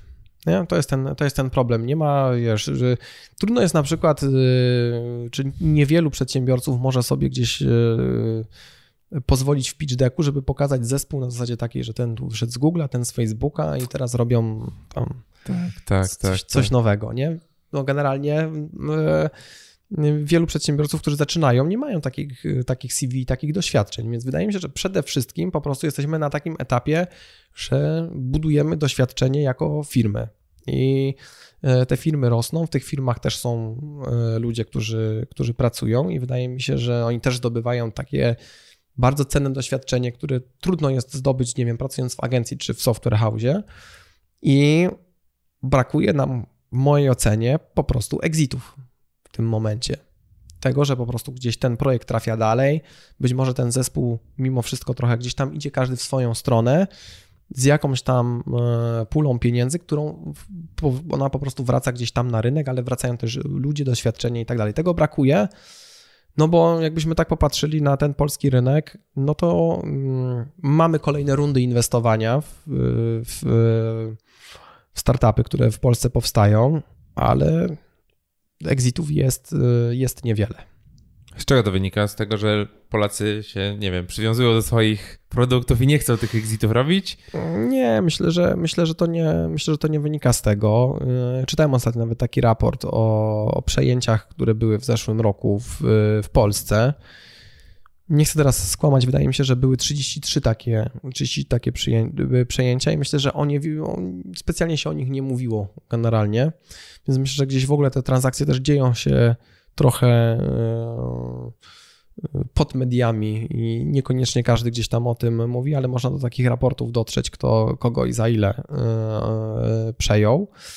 Natomiast no, trudno, mi jest, trudno mi jest powiedzieć. Wydaje mi się, że po prostu to się też bierze z tego, że e, mimo wszystko fundusze w Polsce są jeszcze na tym etapie, że jednak bardziej inwestują i coraz więcej funduszy robi to dobrze a z tych funduszy, które robią exity jest, y, jest po prostu bardzo niewiele. Hmm.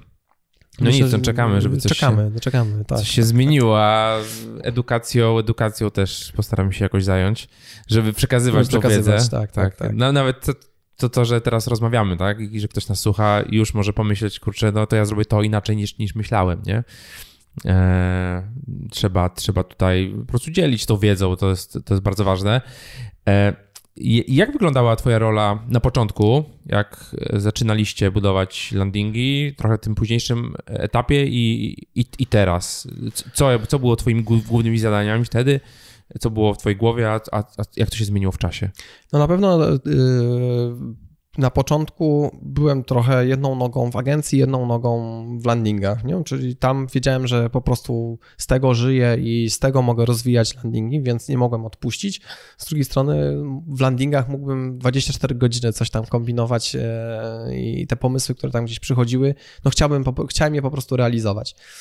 E, więc na początku na pewno to było takie rozdwojenie. Później, jak już przyszła inwestycja i jednak było takie moje wyrazie, już czułem, że po prostu pójdę na jakby w 100% tylko w ten, w ten obszar, no to gdzieś tam odpuściłem mimo wszystko agencję, no i to gdzieś tam jednak doprowadziło do tego, że mm, że ten biznes e, zamknąłem. Natomiast to, co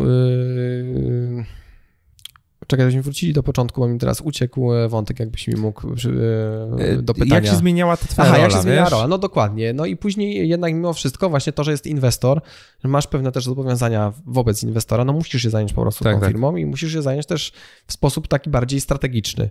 Natomiast e, mimo, myślę, że przez pierwsze dwa, trzy lata to było dość chaotyczne.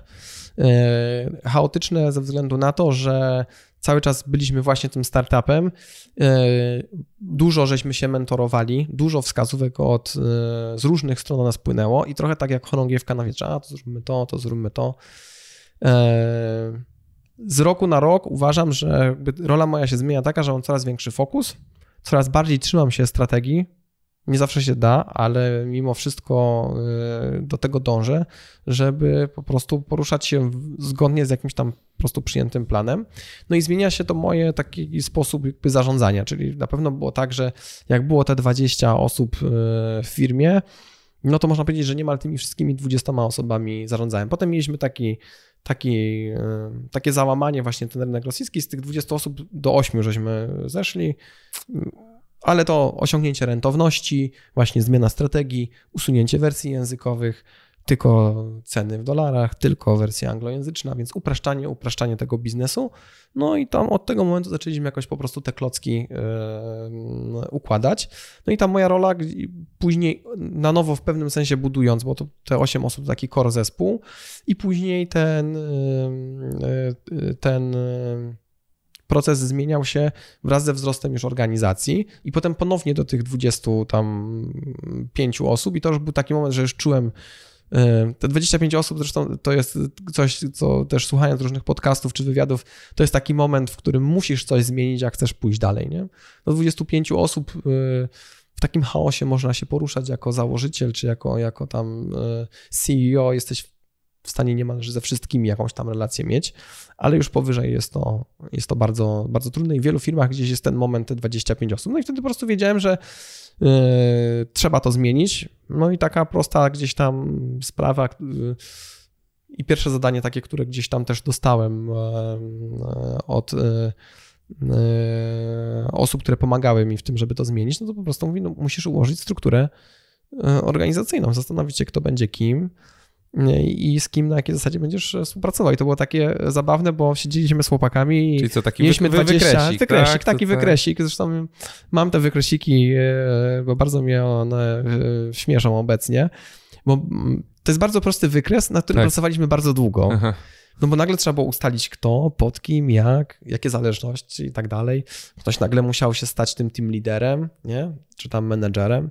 E, nowe role, taki bez przekonania trochę i tak dalej. I, bardzo długo dochodziliśmy do tego, żeby 20 osób ułożyć e, w formie struktury, nie? No i niektórzy i właśnie gdzieś tam, nie, ach, nie będziemy korpo robić z tej firmy i tak dalej, więc gdzieś jest też taka obawa przed tym, że to teraz będzie korporacja, i, no. a nie startup tak. i tak dalej. Ale oczywiście e, to jest, e, to jest jakaś taka łatka po prostu przyklejona do tego typu procesów.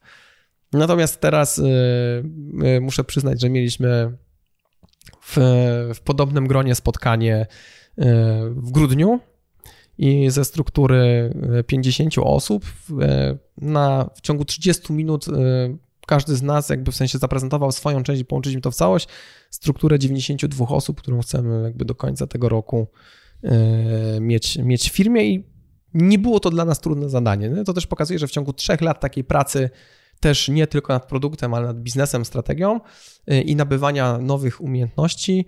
Bardzo łatwo po prostu przyszło nam coś, co kiedyś po prostu w wielkich bólach się e, rodziło. No i to też po prostu wpływa na tą zmianę roli, ale każdego w firmie, nie? Każdego w firmie, tak. bo y, jakieś tam po prostu zależności i struktura y, muszą powstać. Tak, prędzej czy później. No właśnie jest taka książka Mit Przedsiębiorczości. No to tutaj jest dużo, dużo w tych tematach e, właśnie budowy tej, tej struktury. Ja już sobie strukturę zbudowałem, ja jestem na większości stanowisk. Teraz tylko podmieniać na inne osoby. Także no, ale to jest. No tak to jest. U nas było, dokładnie było tak samo, czyli po prostu były osoby, które były na przykład na dwóch albo trzech e, stanowiskach, nie? Tak. I była ta świadomość, tak, kurczę, tak, musimy tak. kogoś zatrudnić, nie? Musimy kogoś zatrudnić, więc to e, było... Okej, okay, teraz mam takie pytanie. E, kto był w tym korze ośmiu osób? Jak zostaliście w, 8 osób, e, to by byli na pewno ludzie techniczni, tak? Support? Techniczni, support, produkt, marketing, UX, Mm. Okej, okay, produkt, czyli co, jakiś... No to jakby mamy rozróżnienie, mamy mhm. zespół podzielony, mamy zespół produktowy i zespół technologiczny.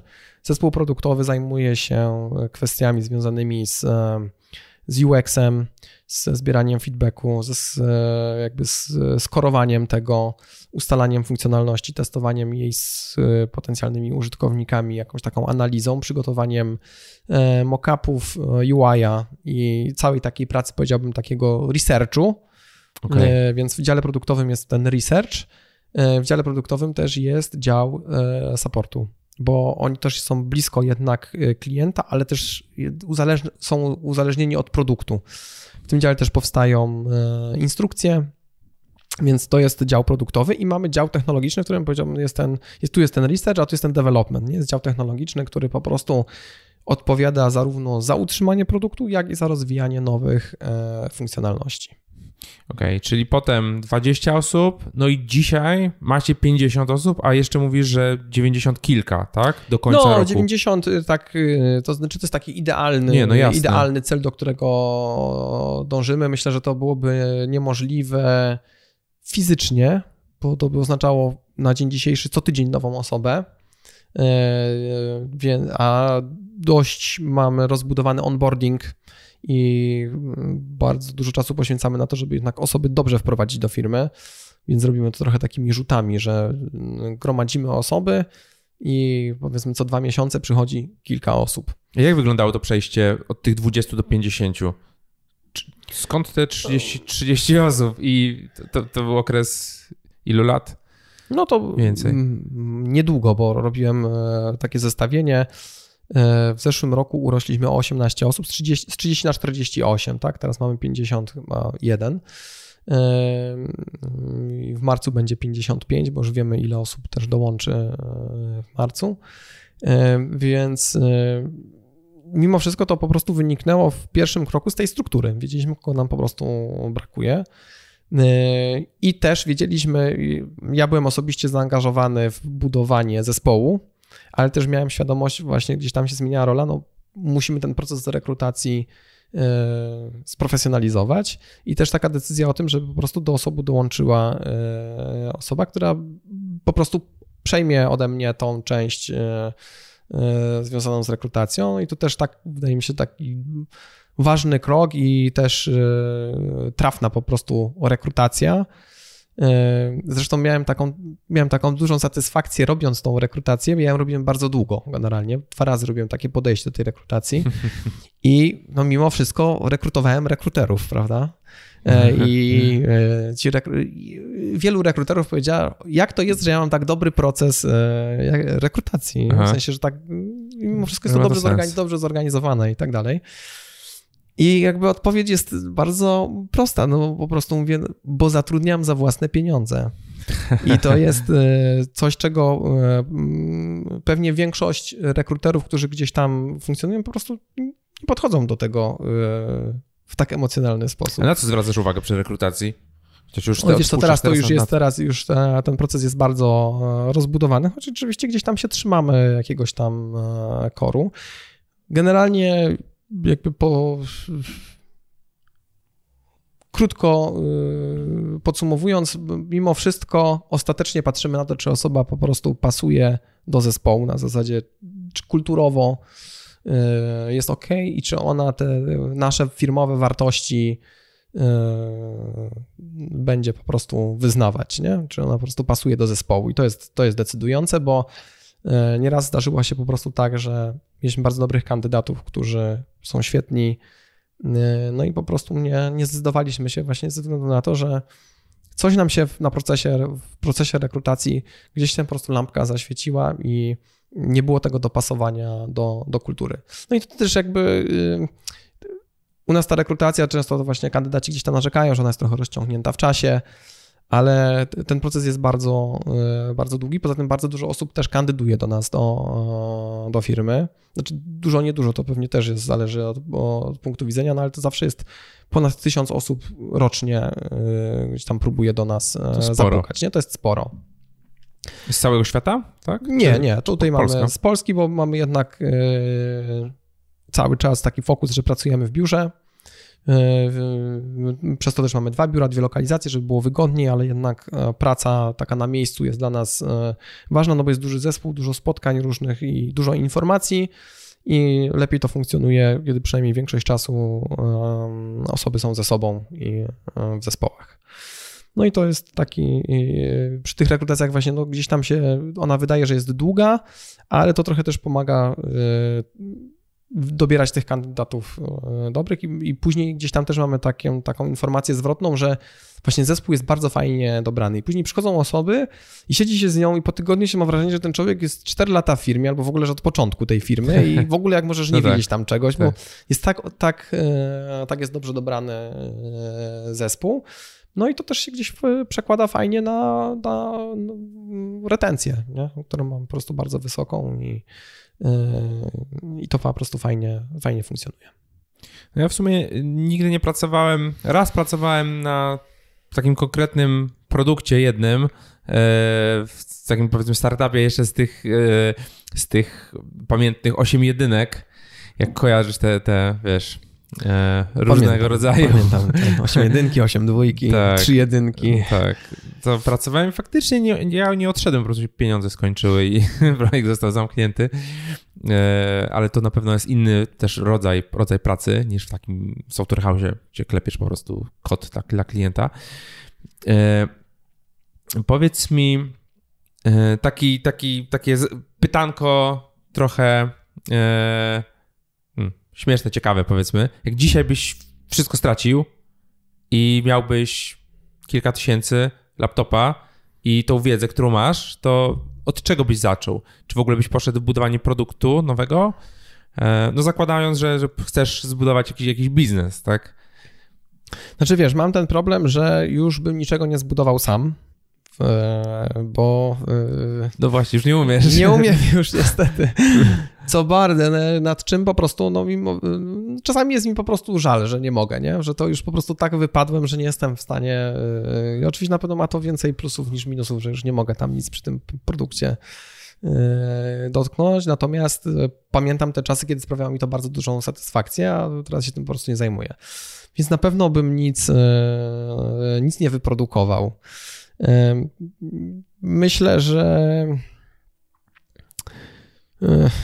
jest ciekawe pytanie. No, No ale powiedzmy, że miałbyś podejść. ten network, który miałeś, yy, szedłbyś po prostu do ludzi i starał się, nie wiem, wy, wy, wybadać, co, co tu jeszcze można zrobić, czy, czy zupełnie, czy, czy do Doliny Krzemowej byś szybko pojechał. Pitch, chyba w pitchach jesteś dosyć dobry, skoro tutaj pierwszy pitch, wyróżnienie, potem kolejne rundy inwestycyjne. Tak, ale myślę, że gdyby rzeczywiście tak było, że trzeba byłoby zacząć od początku, to myślę, że, że e, bardzo długo bym się zastanawiał, co. Myślę, że to nie byłoby tak na ślepo, że z powrotem do produktu, internetu i, i tak dalej. Myślę, że bym się nad tym trochę, e, trochę głębiej bym się nad tym e, zastanowił.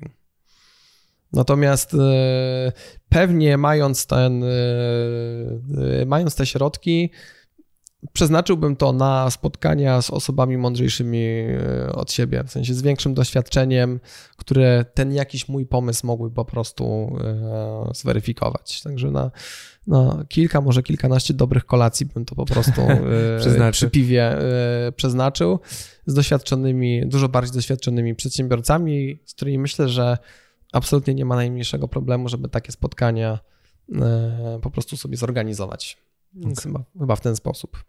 Kiedy, kiedy doszliście do tego e, break-even tak zwanego, czyli że przychody No, po prostu Tak, tak. przekraczają wasze to, to koszty? był lipiec 2015 roku, to też pamiętam. Start pamiętam jak tego w 11. pierwszego, jak, jak, jak tą pierwszą sprzedaż, A. pamiętam, wiesz, to taki też taki moment, że wiesz, że no stoisz na własnych nogach i już teraz ci właściwie Ale te koszty Eee, rosły cały czas? Przez, No tak, od, tak. od początku? Tak. E, Koszty.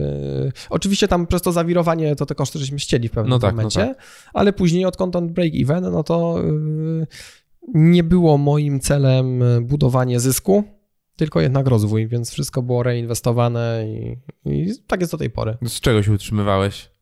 Że wypłacałeś sobie pewnie jak, jakąś... No, to już jakby struktura, spółka ma swoje e, jakby procedury, Mhm. jak to e, reguluje, więc po prostu jako, jako prezes zarządu e, no, otrzymuje wynagrodzenie, Mhm. no, więc Tak. to w ten sposób funkcjonuje. E, Nie ma za bardzo innej możliwości, poza tym cały czas trzeba pamiętać, że z, z tyłu, że nawet jeżeli się ma break even, to gdzieś tam się wcześniej wzięło inwestycje, wszystko się jakby, każdą złotówkę się raportuje i e, to musi wszystko się no, spinać, nie ma żadnej samowolki. No Właśnie, jak, jak tymi finansami za, zarządzać? Na początku to pewnie jest trochę chaos. Wiesz co, na początku e, zdecydowanie e, chaos, natomiast słowo, słowo klucz to jest cash flow. Myślę, że Tak. wiele osób ma jednak z tym problem. Przy subskrypcjach to jest całkiem spoko, nie? Bo jednak jesteś w miarę rozsądnie w stanie to prognozować. Mimo wszystko przy e, wszystkiego nie jesteś w stanie zaprognozować. Mimo wszystko w subskrypcji też jest sezonowość. Nie zawsze dopniesz plan marketingowy, a poza tym jak rozwijasz firmę, to ponosisz inwestycje i jednak przy subskrypcyjnym biznesie, który ma jakieś tam tempo miesięczne e, kilku czy nawet kilkunastu procent e, wzrostu miesiąc do miesiąca, to nie są wzrosty, które pozwalają ci na dużą inwestycję, mhm. więc musisz zaryzykować, prawda? E, I czasami są takie rzeczy, że nawet jest je po prostu trudno, trudno przewidzieć i, i, i zdarza się mimo tego, że ten cashflow jest dobrze za zaprojektowany, że jednak gdzieś jakiś przelew się przesunie, coś nie wyjdzie tak jak trzeba, no i można gdzieś tam e, lekki katar, e, e, lekki katar złapać. Natomiast no, generalnie namawiam do tego, żeby zgłębić temat cashflow i żeby gdzieś sobie patrzeć też na takie dodatkowe jakieś metryki finansowe, żeby nie, nie żyć z miesiąca na miesiąc, to jest dość, dość trudne. Myślę, że taki bufor 2-3 miesiące y, przy takim biznesie subskrypcyjnym to jest coś rozsądnego, co, co, co warto wypracować e, finansowe, taką po prostu poduszkę. A z drugiej strony też y, myślę, że warto też patrzeć na przychód per osoba w firmie i patrzeć, czy tu się coś zmienia, bo firmę można rozwijać jak się opanuje proces rekrutacji, to można powiedzieć, że nie jest to sztuką rozbudowywać zespół. Tylko jeszcze pytanie, czy y, cały czas zachowujemy pewien jakiś tam zdrowy, y, zdrowe KPI w tym biznesie, nie? A jakie są KPI u was? Czyli w sensie, co, co jest takim wyznacznikiem? Wzrost? E... No tak. To jest mimo wszystko liczba aktywnych płacących klientów jest dla nas E, bardzo ważna. No, ona trochę wynika z tego, co robi e, zespół marketingu, ale również jaki jest produkt, czy ci klienci zostają w tym produkcie, nie? I gdzie, gdzie tutaj jest ta, jak ta waga się rozkłada pomiędzy, e, pomiędzy tymi stronami. A drugą ważną metryką jest to, ile średnio ci klienci wydają miesięcznie. No i z tego trochę prosta sprawa, no z tego się liczy mhm. ostatecznie tak naprawdę MRR, nie? Więc to są takie, to są takie e, metryki, powiedziałbym mimo wszystko podstawowe, e, które nie są w żaden sposób tam, myślę, zaskoczeniem tak. dla kogo, kto buduje, e, buduje produkt. A ciśniecie mocno na to, żeby klienci płacili jednak z góry za rok, nie wiem, dwa lata, czy... Czy jeszcze dłuższe okresy, o ile w ogóle takie macie? Czy nie? Nie, nie, nie mamy takiej polityki teraz, żeby to w ten, w ten rok zapinać. E, teraz klienci mogą wybierać 3, e, 6 lub 12 miesięcy, mhm. to jest jakby dowolność. Aha, czyli na miesiąc nie. Też mogą. A też mogą. Mm, tak, cztery okresy mają do wyboru e, w tym momencie. Myśmy robili różne testy, robiliśmy, żeby było to wymuszanie mhm. tych 12. To po prostu nie, nie w każdym produkcie to się, mhm. to się sprawdzi. Teraz ten produkt nasz się zmienia, natomiast mimo wszystko, patrząc na podstawowy produkt, on jest potrzebny w czasie trwania kampanii nie każda firma tak, kampanię ma tak, rok, tak, tak, I to jest nasz problem generalnie główny w firmie. No jak, właśnie, jak teraz, no e, jaką wartość dostarczyć klientowi, żeby on po prostu został z nami yy, no idealnie na zawsze, nie? Ale no przynajmniej tak długo, jak prowadzi działania marketingowe i, i, i stać go na to, nie? Czyli po prostu wasz produkt, wasze landing page muszą przynosić klientowi więcej niż kosztują. Tak, miesięcznie, natomiast, natomiast co, co pewnie nie jest trudne. Tak? Nie jest trudne, natomiast y, ponad 50% klientów, którzy rezygnują z naszej usługi, a ze wszystkimi staramy się jednak skontaktować, żeby sprawdzić, mówią, że wszystko było super, że produkt mi się bardzo podoba, ale mm, no po prostu skończyła się kampania. No tak. No, po co wrócę, stać? wrócę, jak będę potrzebował. No tak.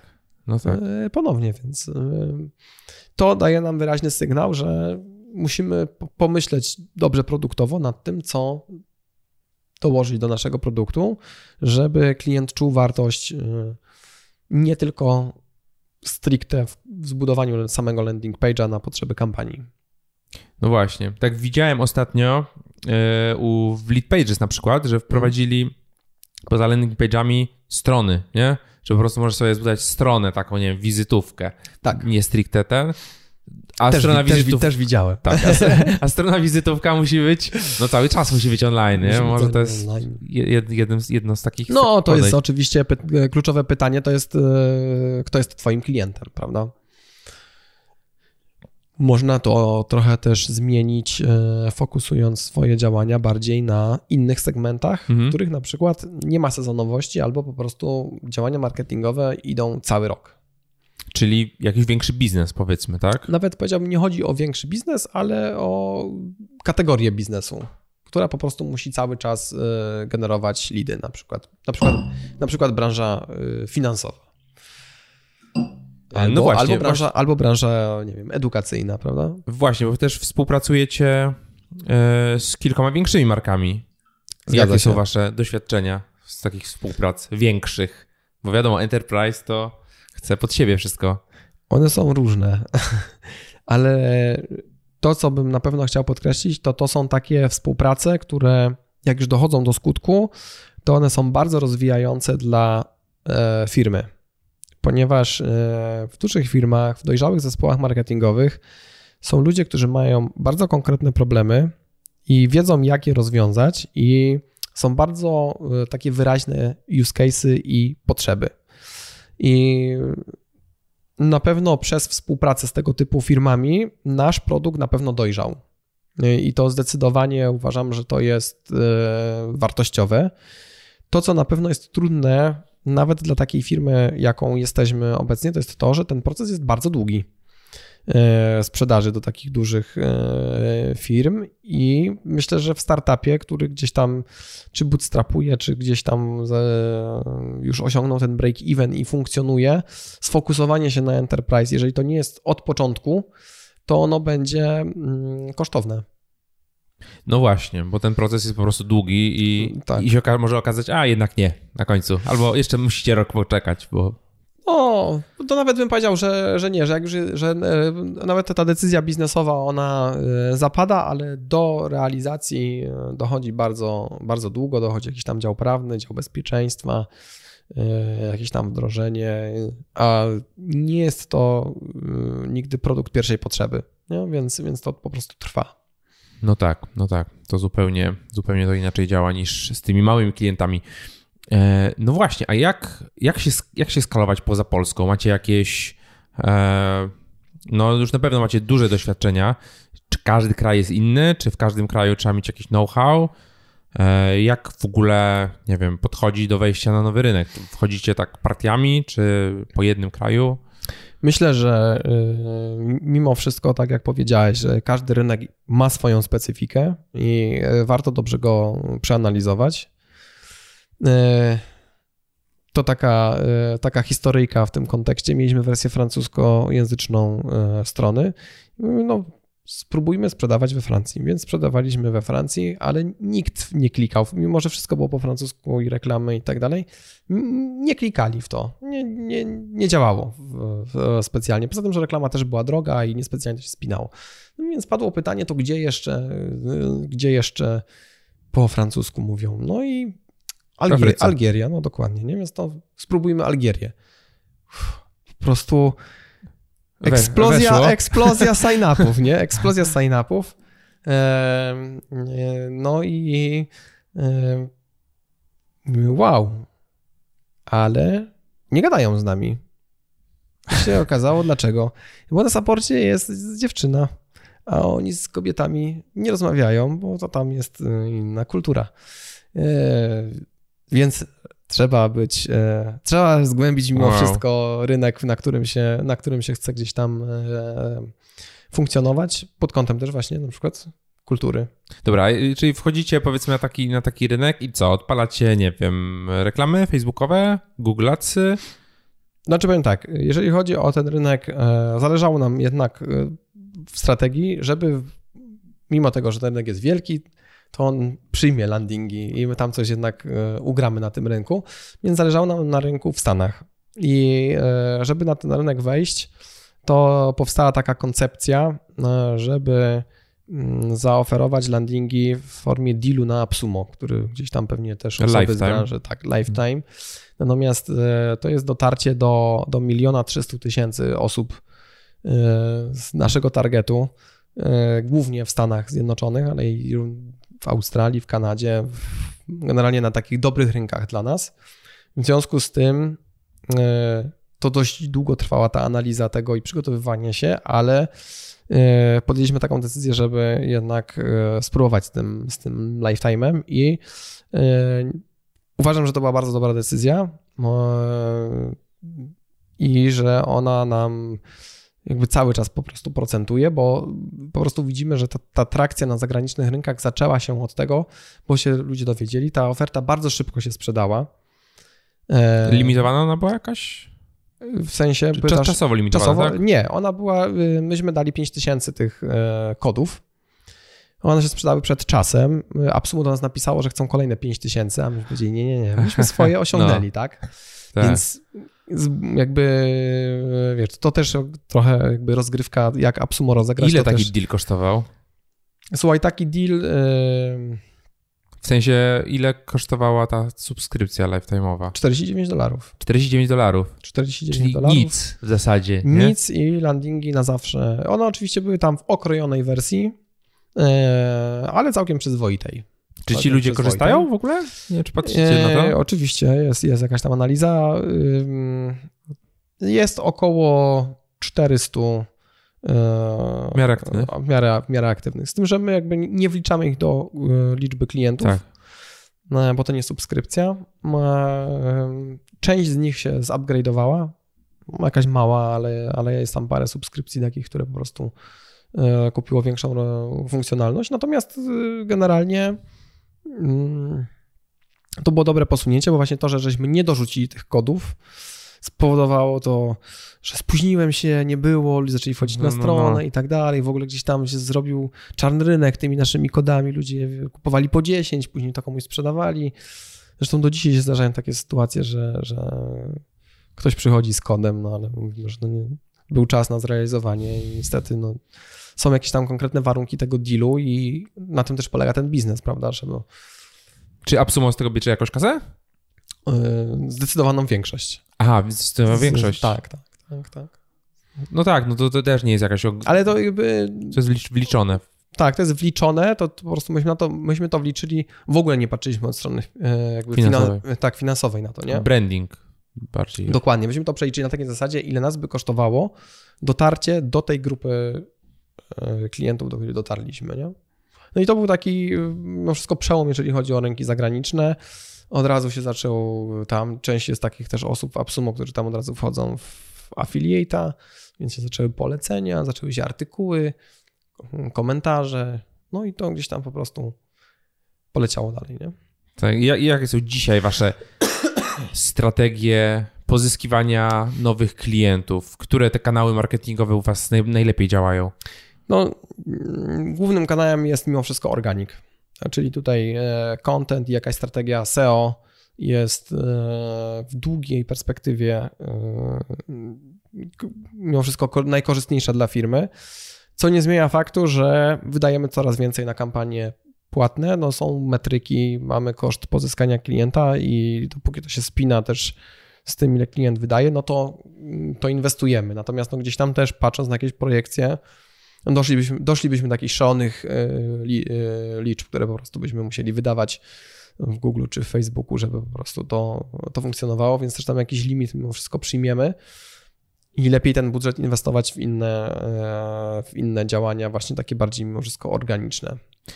No właśnie, gadaliśmy w Katowicach, mówiłeś, że tego kontentu to wytworzycie, czy planujecie teraz wytworzyć jakieś horrendalne ilości, tam set, setki czy tysiące tak, tak wpisów. Tak, tak, tak, Il, ile tego mniej więcej no, jest? Tutaj, e, tutaj Damian Senu to nam trochę pomógł w kontekście ułożenia tej, e, tej strategii. Gdzieś tam nam wyszło, że musimy 1700 artykułów stworzyć, żeby pokryć w pełni e, temat, którym się zajmujemy.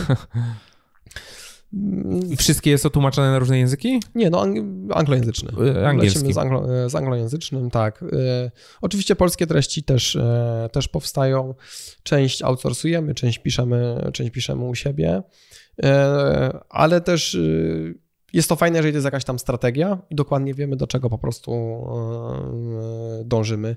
No na pewno nie, nie stworzymy wszystkich, natomiast na pewno chcemy tą, tą produkcję mieć E, tego kontentu, ale oczywiście też takiego wysokojakościowego. E, na... On jest jakoś promowany ten content? Czy już nie wiesz, już tam to, marketing... To, to już pytanie, w sensie nie, nie umiałem na to odpowiedzieć. Wydaje mi się, że niektóre treści tak. Część nie na pewno. Ale część, ale część na pewno, na pewno nie. Po prostu ktoś wchodzi tak, patrzy, tak, tak, czy widzi tak, gdzieś, tak. e, gdzieś to widzi. No tak, ten content, content is king cały czas. Tak. Cały tak, czas jednak. A Cash is King Kong. E, a jak, jak, jak może taki lejek wasz wyglądać marketingowy? Czyli nie wiem, taka osoba powiedzmy wpada na e, artykuł, jakiś content, tam jest, nie wiem, możliwość przetestowania triala, czy zobaczenia jakiegoś demo. E, trafia generalnie tak, trafia na content różny, do różnych segmentów różny, różny content i mm, najczęściej się po prostu sign-upuje E, i w sign-upie trafia do tak, e, powiedziałem, do zespołu onboardingu. Ma konkretne, jest tam chyba pięć kroków e, mhm. obecnie. Zautomatyzowane w pełni, czy ci ludzie się kontaktują z nim na przykład? Jest możliwość, ale to jest po stronie klienta, że żeby się do nas nie na tej skali, na, tak. umówił na demo. Nie? Natomiast gdzieś tam staramy się jak najlepiej personalizować flow do każdego klienta, w zależności od tego, z jakiego jest segmentu, jaką jest personą. A. Więc I to jest to... w aplikacji, jakby ty przyszedłeś z, mniej więcej z takiego segmentu, to masz inny onboarding niż... Troszkę inne wiadomości. Tak, Aha. tak, tak. Jest to, jest to podzielone, bo tam po prostu wybierasz y, personę na starcie, czy jesteś marketerem, czy freelancerem. Aha, aha. Y, I do tego po prostu dopasowujemy to prawdopodobieństwo, co chcesz zrobić w naszej aplikacji. Nie? I Więc potem tak jest. funkcjonuje. Jak... Tak, i później jakby idziemy jest, jest e, e, osobny zespół, jest onboarding i w tym onboardingu po prostu osoby pracują z tymi e, klientami, którzy są w trialu. I tam jest jakby, czyli, czyli mierzymy konwersję visit to trial i trial to paid. Nie? I to są takie dwa duże kroki. Oczywiście w tym kroku w onboardingu tam sprawdzamy eventy, wiemy, którzy klienci są aktywni, jakie eventy porobili, do czego doszli, do jakiego etapu. No i mimo wszystko mm, pracujemy nad tymi, którzy mają potencjał, nie? Okej, okay, to jak nikt, ktoś wszedł, nikt nie kliknął, No tak, to, to jest coś tam. Mo, może nie. Raczej to będzie po prostu lepiej ten wysiłek e, skumulować na osoby, które zaczęły coś robić, niż za uszy ciągnąć tych, którzy, wiesz, może weszli i to nie było po prostu to. A gdzie dorzucacie te upselle, tych, te usługi, o których mówiliśmy wcześniej? One się nie pojawiają e, w aplikacji. To są rzeczy, które e, po prostu klienci gdzieś e, szukają w internecie. Czyli aha, design, aha, tak. aha, czyli to jest jakby nie, nie związane. Jeszcze obecnie to nie jest gdzieś tam zaszyte, zaszyte w proces.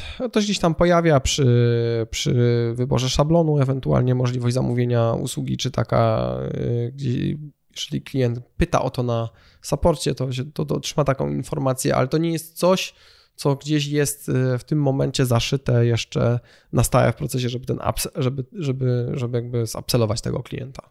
Mieliście takie momenty, że dochodziliście do powiedzmy takiej ściany, że nagle nowi klienci przestali, przestali przychodzić i dobra, to coś trzeba zmienić, coś zmienialiście i znowu zaczęli przychodzić. Mieliście takie czy jeszcze... W zeszłym roku nie mieliśmy takiej, e, ale gdzieś tam takiej ściany, ale wcześniej tak. Bo nawet e, robiłem taką analizę ostatnio i e, bardzo to było poszarpane. W sensie coś się udawało zrobić. To generalnie też jest tak, że czasami jak coś ci się uda i naciągniesz tych klientów, to potem masz też wysoki odpad tych klientów, no bo, bo naciągasz jak szeroko idziesz. Black Friday, 50% rabatu, te e, sprawy. dokładnie. Akurat, akurat Black Friday e, dobrze nam wychodzi co roku, ale e, bardziej tu mówię o tym, że jest jakaś akcja, jest jakiś artykuł, gdzieś coś żeśmy zrobili i jest dużo sign-upów i w tych sign-upach jest dużo przypadkowych e, mhm. sign-upów albo przypadkowych klientów, dla których ten produkt po prostu mm, nie działa. nie działa. No i później masz ten, z jednej strony jesteś zachwycony, bo w pierwszym czy drugim miesiącu jest super wzrost, nawet po, po ponad 100 klientów e, miesięcznie, a później masz odpad, bo, bo jednak po prostu ci klienci nie czują tego kompletnie. Nie? E, w minionym roku ta strategia była już taka bardziej ustabilizowana i, i wzrost był y, liniowy. Nie? nie? było, nie było zawahania. Znaczy jest takie zawsze przełamanie, mamy zawsze takie przełamanie, że powiedzmy ten lipiec, lipiec i, i, dla nas zawsze najsłabszym miesiącem jest grudzień, bo generalnie... Y, Kończą się. Tak, grudzień i styczeń, tak, to są takie, grudzień, styczeń i lipiec to są najsłabsze miesiące, no bo generalnie gdzieś koło 15 grudnia już yy, kampanie, szczególnie gdzieś tam w B2B, no nikt nie generuje leadów, bo nikt już ich nie obsłuży, nie? Tak. A z kolei styczeń to jest taki etap, że zespoły po prostu projekt, y, ten zastanawiają się, jaka będzie strategia, jaki będzie budżet i mamy nawet obecnie dużo rozpoczętych różnych ciekawych y, rozmów i ciekawych klientów, ale ważą się losy strategii i, i budżetu, nie? I dopiero gdzieś tam Luty to jest takie rozpędzanie i potem marzec, e, marzec, kwiecień, maj, czerwiec to są takie fajne miesiące i później e, w sierpniu się wszyscy przygotowują na, na końcówkę roku, nie? czy tam wrzesień, październik, listopad. To są też zawsze dobre, dobre miesiące, natomiast to też nauczyliśmy się tego, że jest ta sezonowość nie? i że czasami ten budżet marketingowy musimy też tak nim zarządzić, żeby może trochę więcej wydać w listopadzie, a mhm. w grudniu trochę sobie odpuścić, nie? No, trzeba tym, trzeba tym zarządzać też, nie? E, czyli mieliście inwestycję z Innovation Nest i potem, potem mieliście kolejną inwestycję z B-Value, tak? Z tego, co, z tego, co kojarzę. E, co się działo między, między, między tym? To ile to lat, lat minęło od tej jednej inwestycji do no, drugiej? Pierwsza inwestycja była w 2013. Na ten rozruch w sumie. Na ten tak? rozruch, tak, tak, tak. I później następna inwestycja to jest w miarę świeża sprawa, bo to jest marzec 2019, czyli 6, 6 lat minęło między jedną, między jedną a drugą. Zakładam, że ta druga jest y, znacząco wyższa. E, ona, ona, nie jest, ona nie jest znacząco e, wyższa, bo, bo fundusz zainwestował milion, e, milion złotych, natomiast jest inny jakby wydźwięk trochę tej inwestycji, bo po prostu tworzymy nowy produkt mm, oparty o machine learning i ten nowy, to jest inwestycja nowy koncept. Nowy produkt? E, tak, tak. tak. Aha, to, to jakby to, jest inny, inny w ogóle, inny e, jakby w innym w innym przedsięwzięciu jest ta, e, ta inwestycja. A co za produkt? To możesz coś powiedzieć szerzej? Czy idea za tym produktem jest taka, no przez te wszystkie lata mamy bardzo dużą bazę, zbudowała nam się bardzo duża baza landing page'y i stwierdziliśmy, że dużo obserwujemy, że dużo klientów ma ten problem z tym, żeby zbudować ten idealny landing page. Mają problem z tym, żeby uruchomić dobry test AB, żeby sobie zbudować jakąś tam wersję alternatywną. E, mają też często mały ruch, żeby taki test przeprowadzić w sposób prawidłowy, więc to, co e, to, co chcemy w tym produkcie zrobić, to chcemy zbudować taki silnik rekomendacji, gdzie po prostu podpowiemy klientowi, co zmienić w tym landing page'u, E, pod kątem designu, e, rozkładu elementów e, czy jakichś technicznych kwestii, żeby po prostu konwersja mogła być wyższa. A jednocześnie małe firmy do takich wniosków dochodziły bardzo długo, więc generalnie taka no tak. idea jest, żeby, żeby po prostu 3 czy 4 miesiące testowania dać komuś w 2 minuty. Okej, okay, czyli to będzie spięte w jakiś sposób z landingami, czy to będzie jakiś też upsell, czy to będzie, plan, czy, czy, zupełnie? Jeszcze myślimy nad, nad mhm. tym, w jaki sposób okay. to będzie e, funkcjonować. Teraz jest e, większy fokus nad tym, żeby po prostu zbudować model, który będzie rzeczywiście dawał trafne rekomendacje, nie? więc na tym jest teraz e, priorytet. Czyli Team AI zbudowaliście? Jest, jest taki mały, mały, bardzo fajny zespół, który, który jest dedykowany tylko do tego e, projektu. No ciekawe, ciekawe. A teraz y, planujesz kolejną rundę, tak?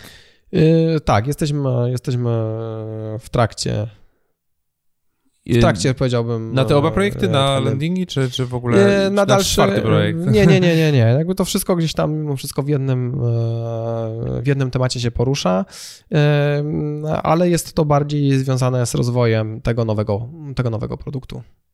Okej, okay, okej. Okay. E, może zdradzić, czy to będą jakieś... To jeszcze, to jeszcze za wcześnie. Jeszcze, jeszcze, jeszcze za wcześnie. Jeszcze za wcześnie. E, uważasz, że landingi odniosły sukces w tym momencie?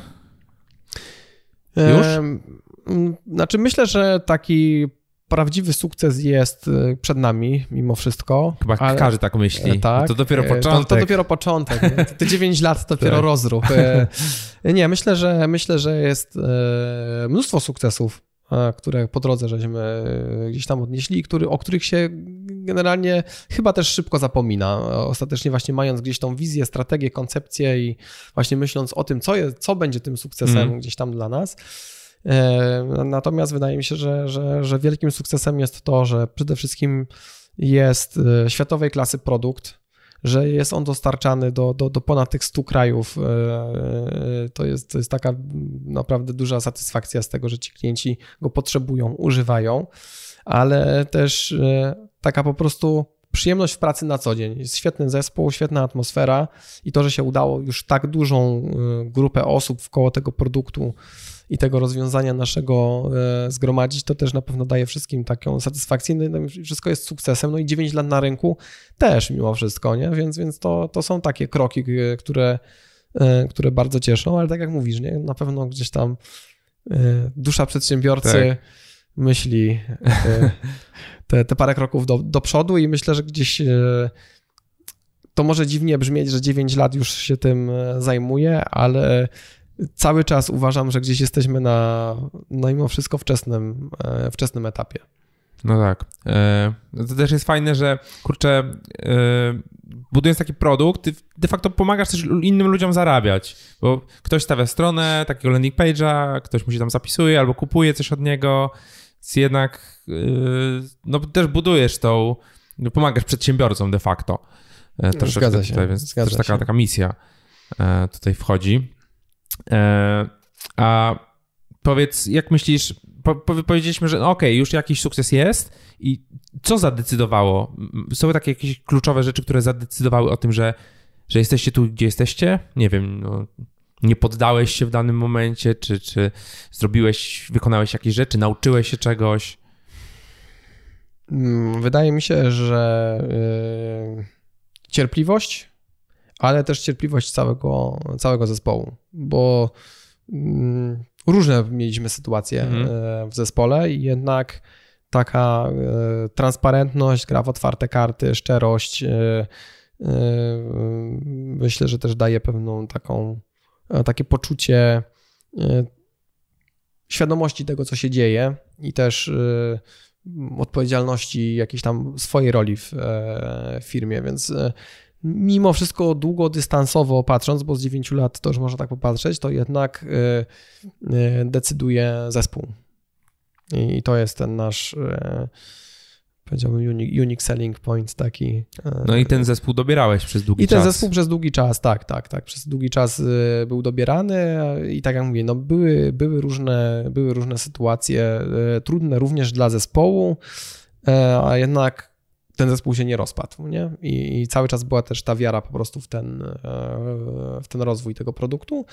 I tak jak mówię, gdzieś tam patrząc jakby z perspektywy czasu, wydaje mi się, że z takim zespołem, w jakim, jaki po prostu mamy, to niezależnie jaki produkt byśmy robili, po prostu robilibyśmy to dobrze. Macie jakiś, nie wiem, taki sygnał czy gong, że nowa subskrypcja wpadła? Yeah. Nie, nie, nie, mieliśmy kiedyś. Kiedyś, tak, kiedyś taki już... było. Tak, tak, tak. tak. I, było też, i, I był też taki strzał, jak klient e, odpadał.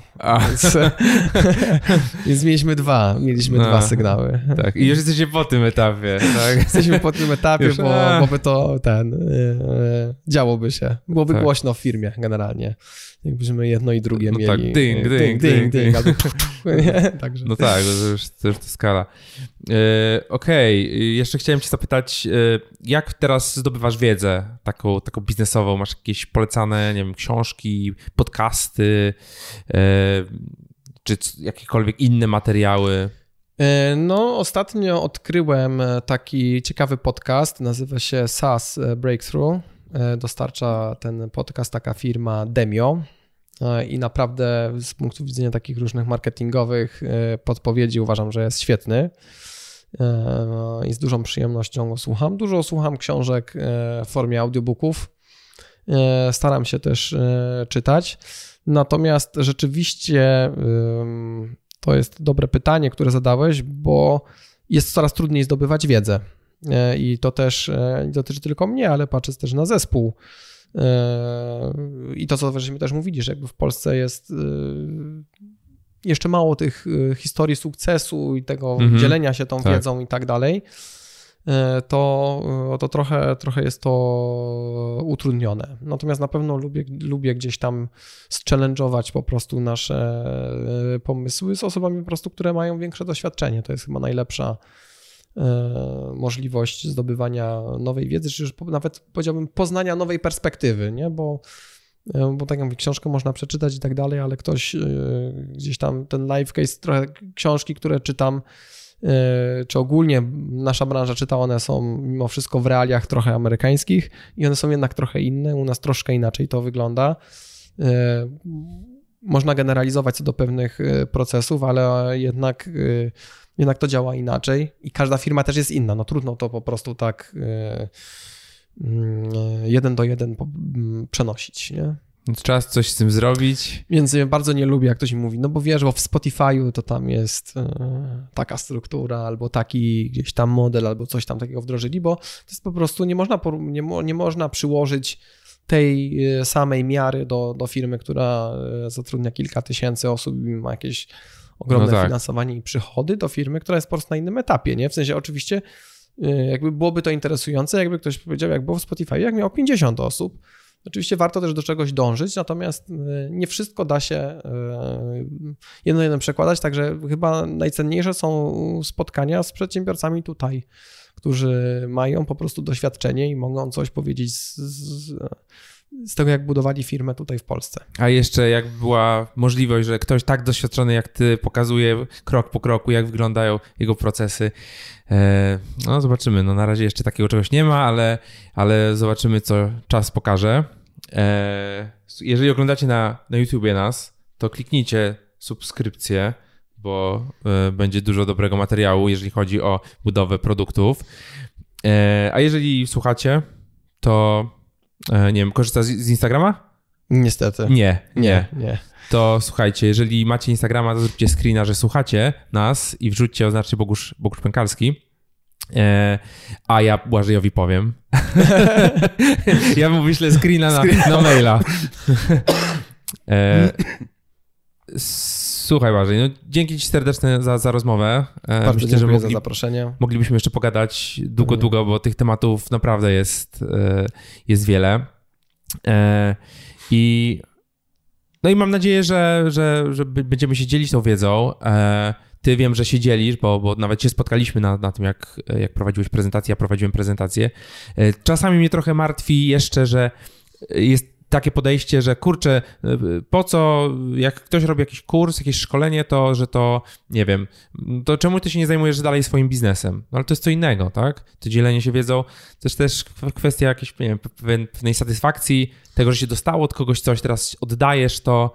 Dokładnie tak, ale jeszcze bym tu chciał też e, ogólnie osoby z, e, tworzące produkty uczulić na to, że jest mnóstwo takich niszowych, małych eventów, i jestem zaskoczony, jak mało osób po prostu na nie przychodzi, gdzie naprawdę można się dużo ciekawego dowiedzieć i nawiązać takie jednak mimo wszystko relacje jeden na jeden tak. i bardzo słabo to uważam e, funkcjonuje. No, gdzieś tam staram się dobierać też już takie tematy, które dla mnie są też jakieś interesujące z punktu widzenia e, eventów i naprawdę są niszowe spotkania bezpłatne na, na, na Meetup można na przykład znaleźć, meetup.com można znaleźć jakieś tam ciekawe małe spotkania, na które przychodzi 10 8, 15 osób, ale wartość tych spotkań jest, jest duża, także niekoniecznie e, e, droga konferencja jest jedynym sposobem tak. na, na, na, na, budowanie wiedzy. E, zachęcam do, do większej takiej ciekawości i szukania lokalnie małych, małych eventów. Zachęcamy. Tak jest. Jeszcze raz serdecznie dziękuję ja za rozmowę. Bardzo dziękuję. Bardzo mi było miło. Do usłyszenia. Do usłyszenia. I to już wszystko na dzisiaj. E, dziękuję Ci za wysłuchanie, e, ale na koniec mam jeszcze dla Ciebie e, jedną propozycję czy, czy, czy prośbę.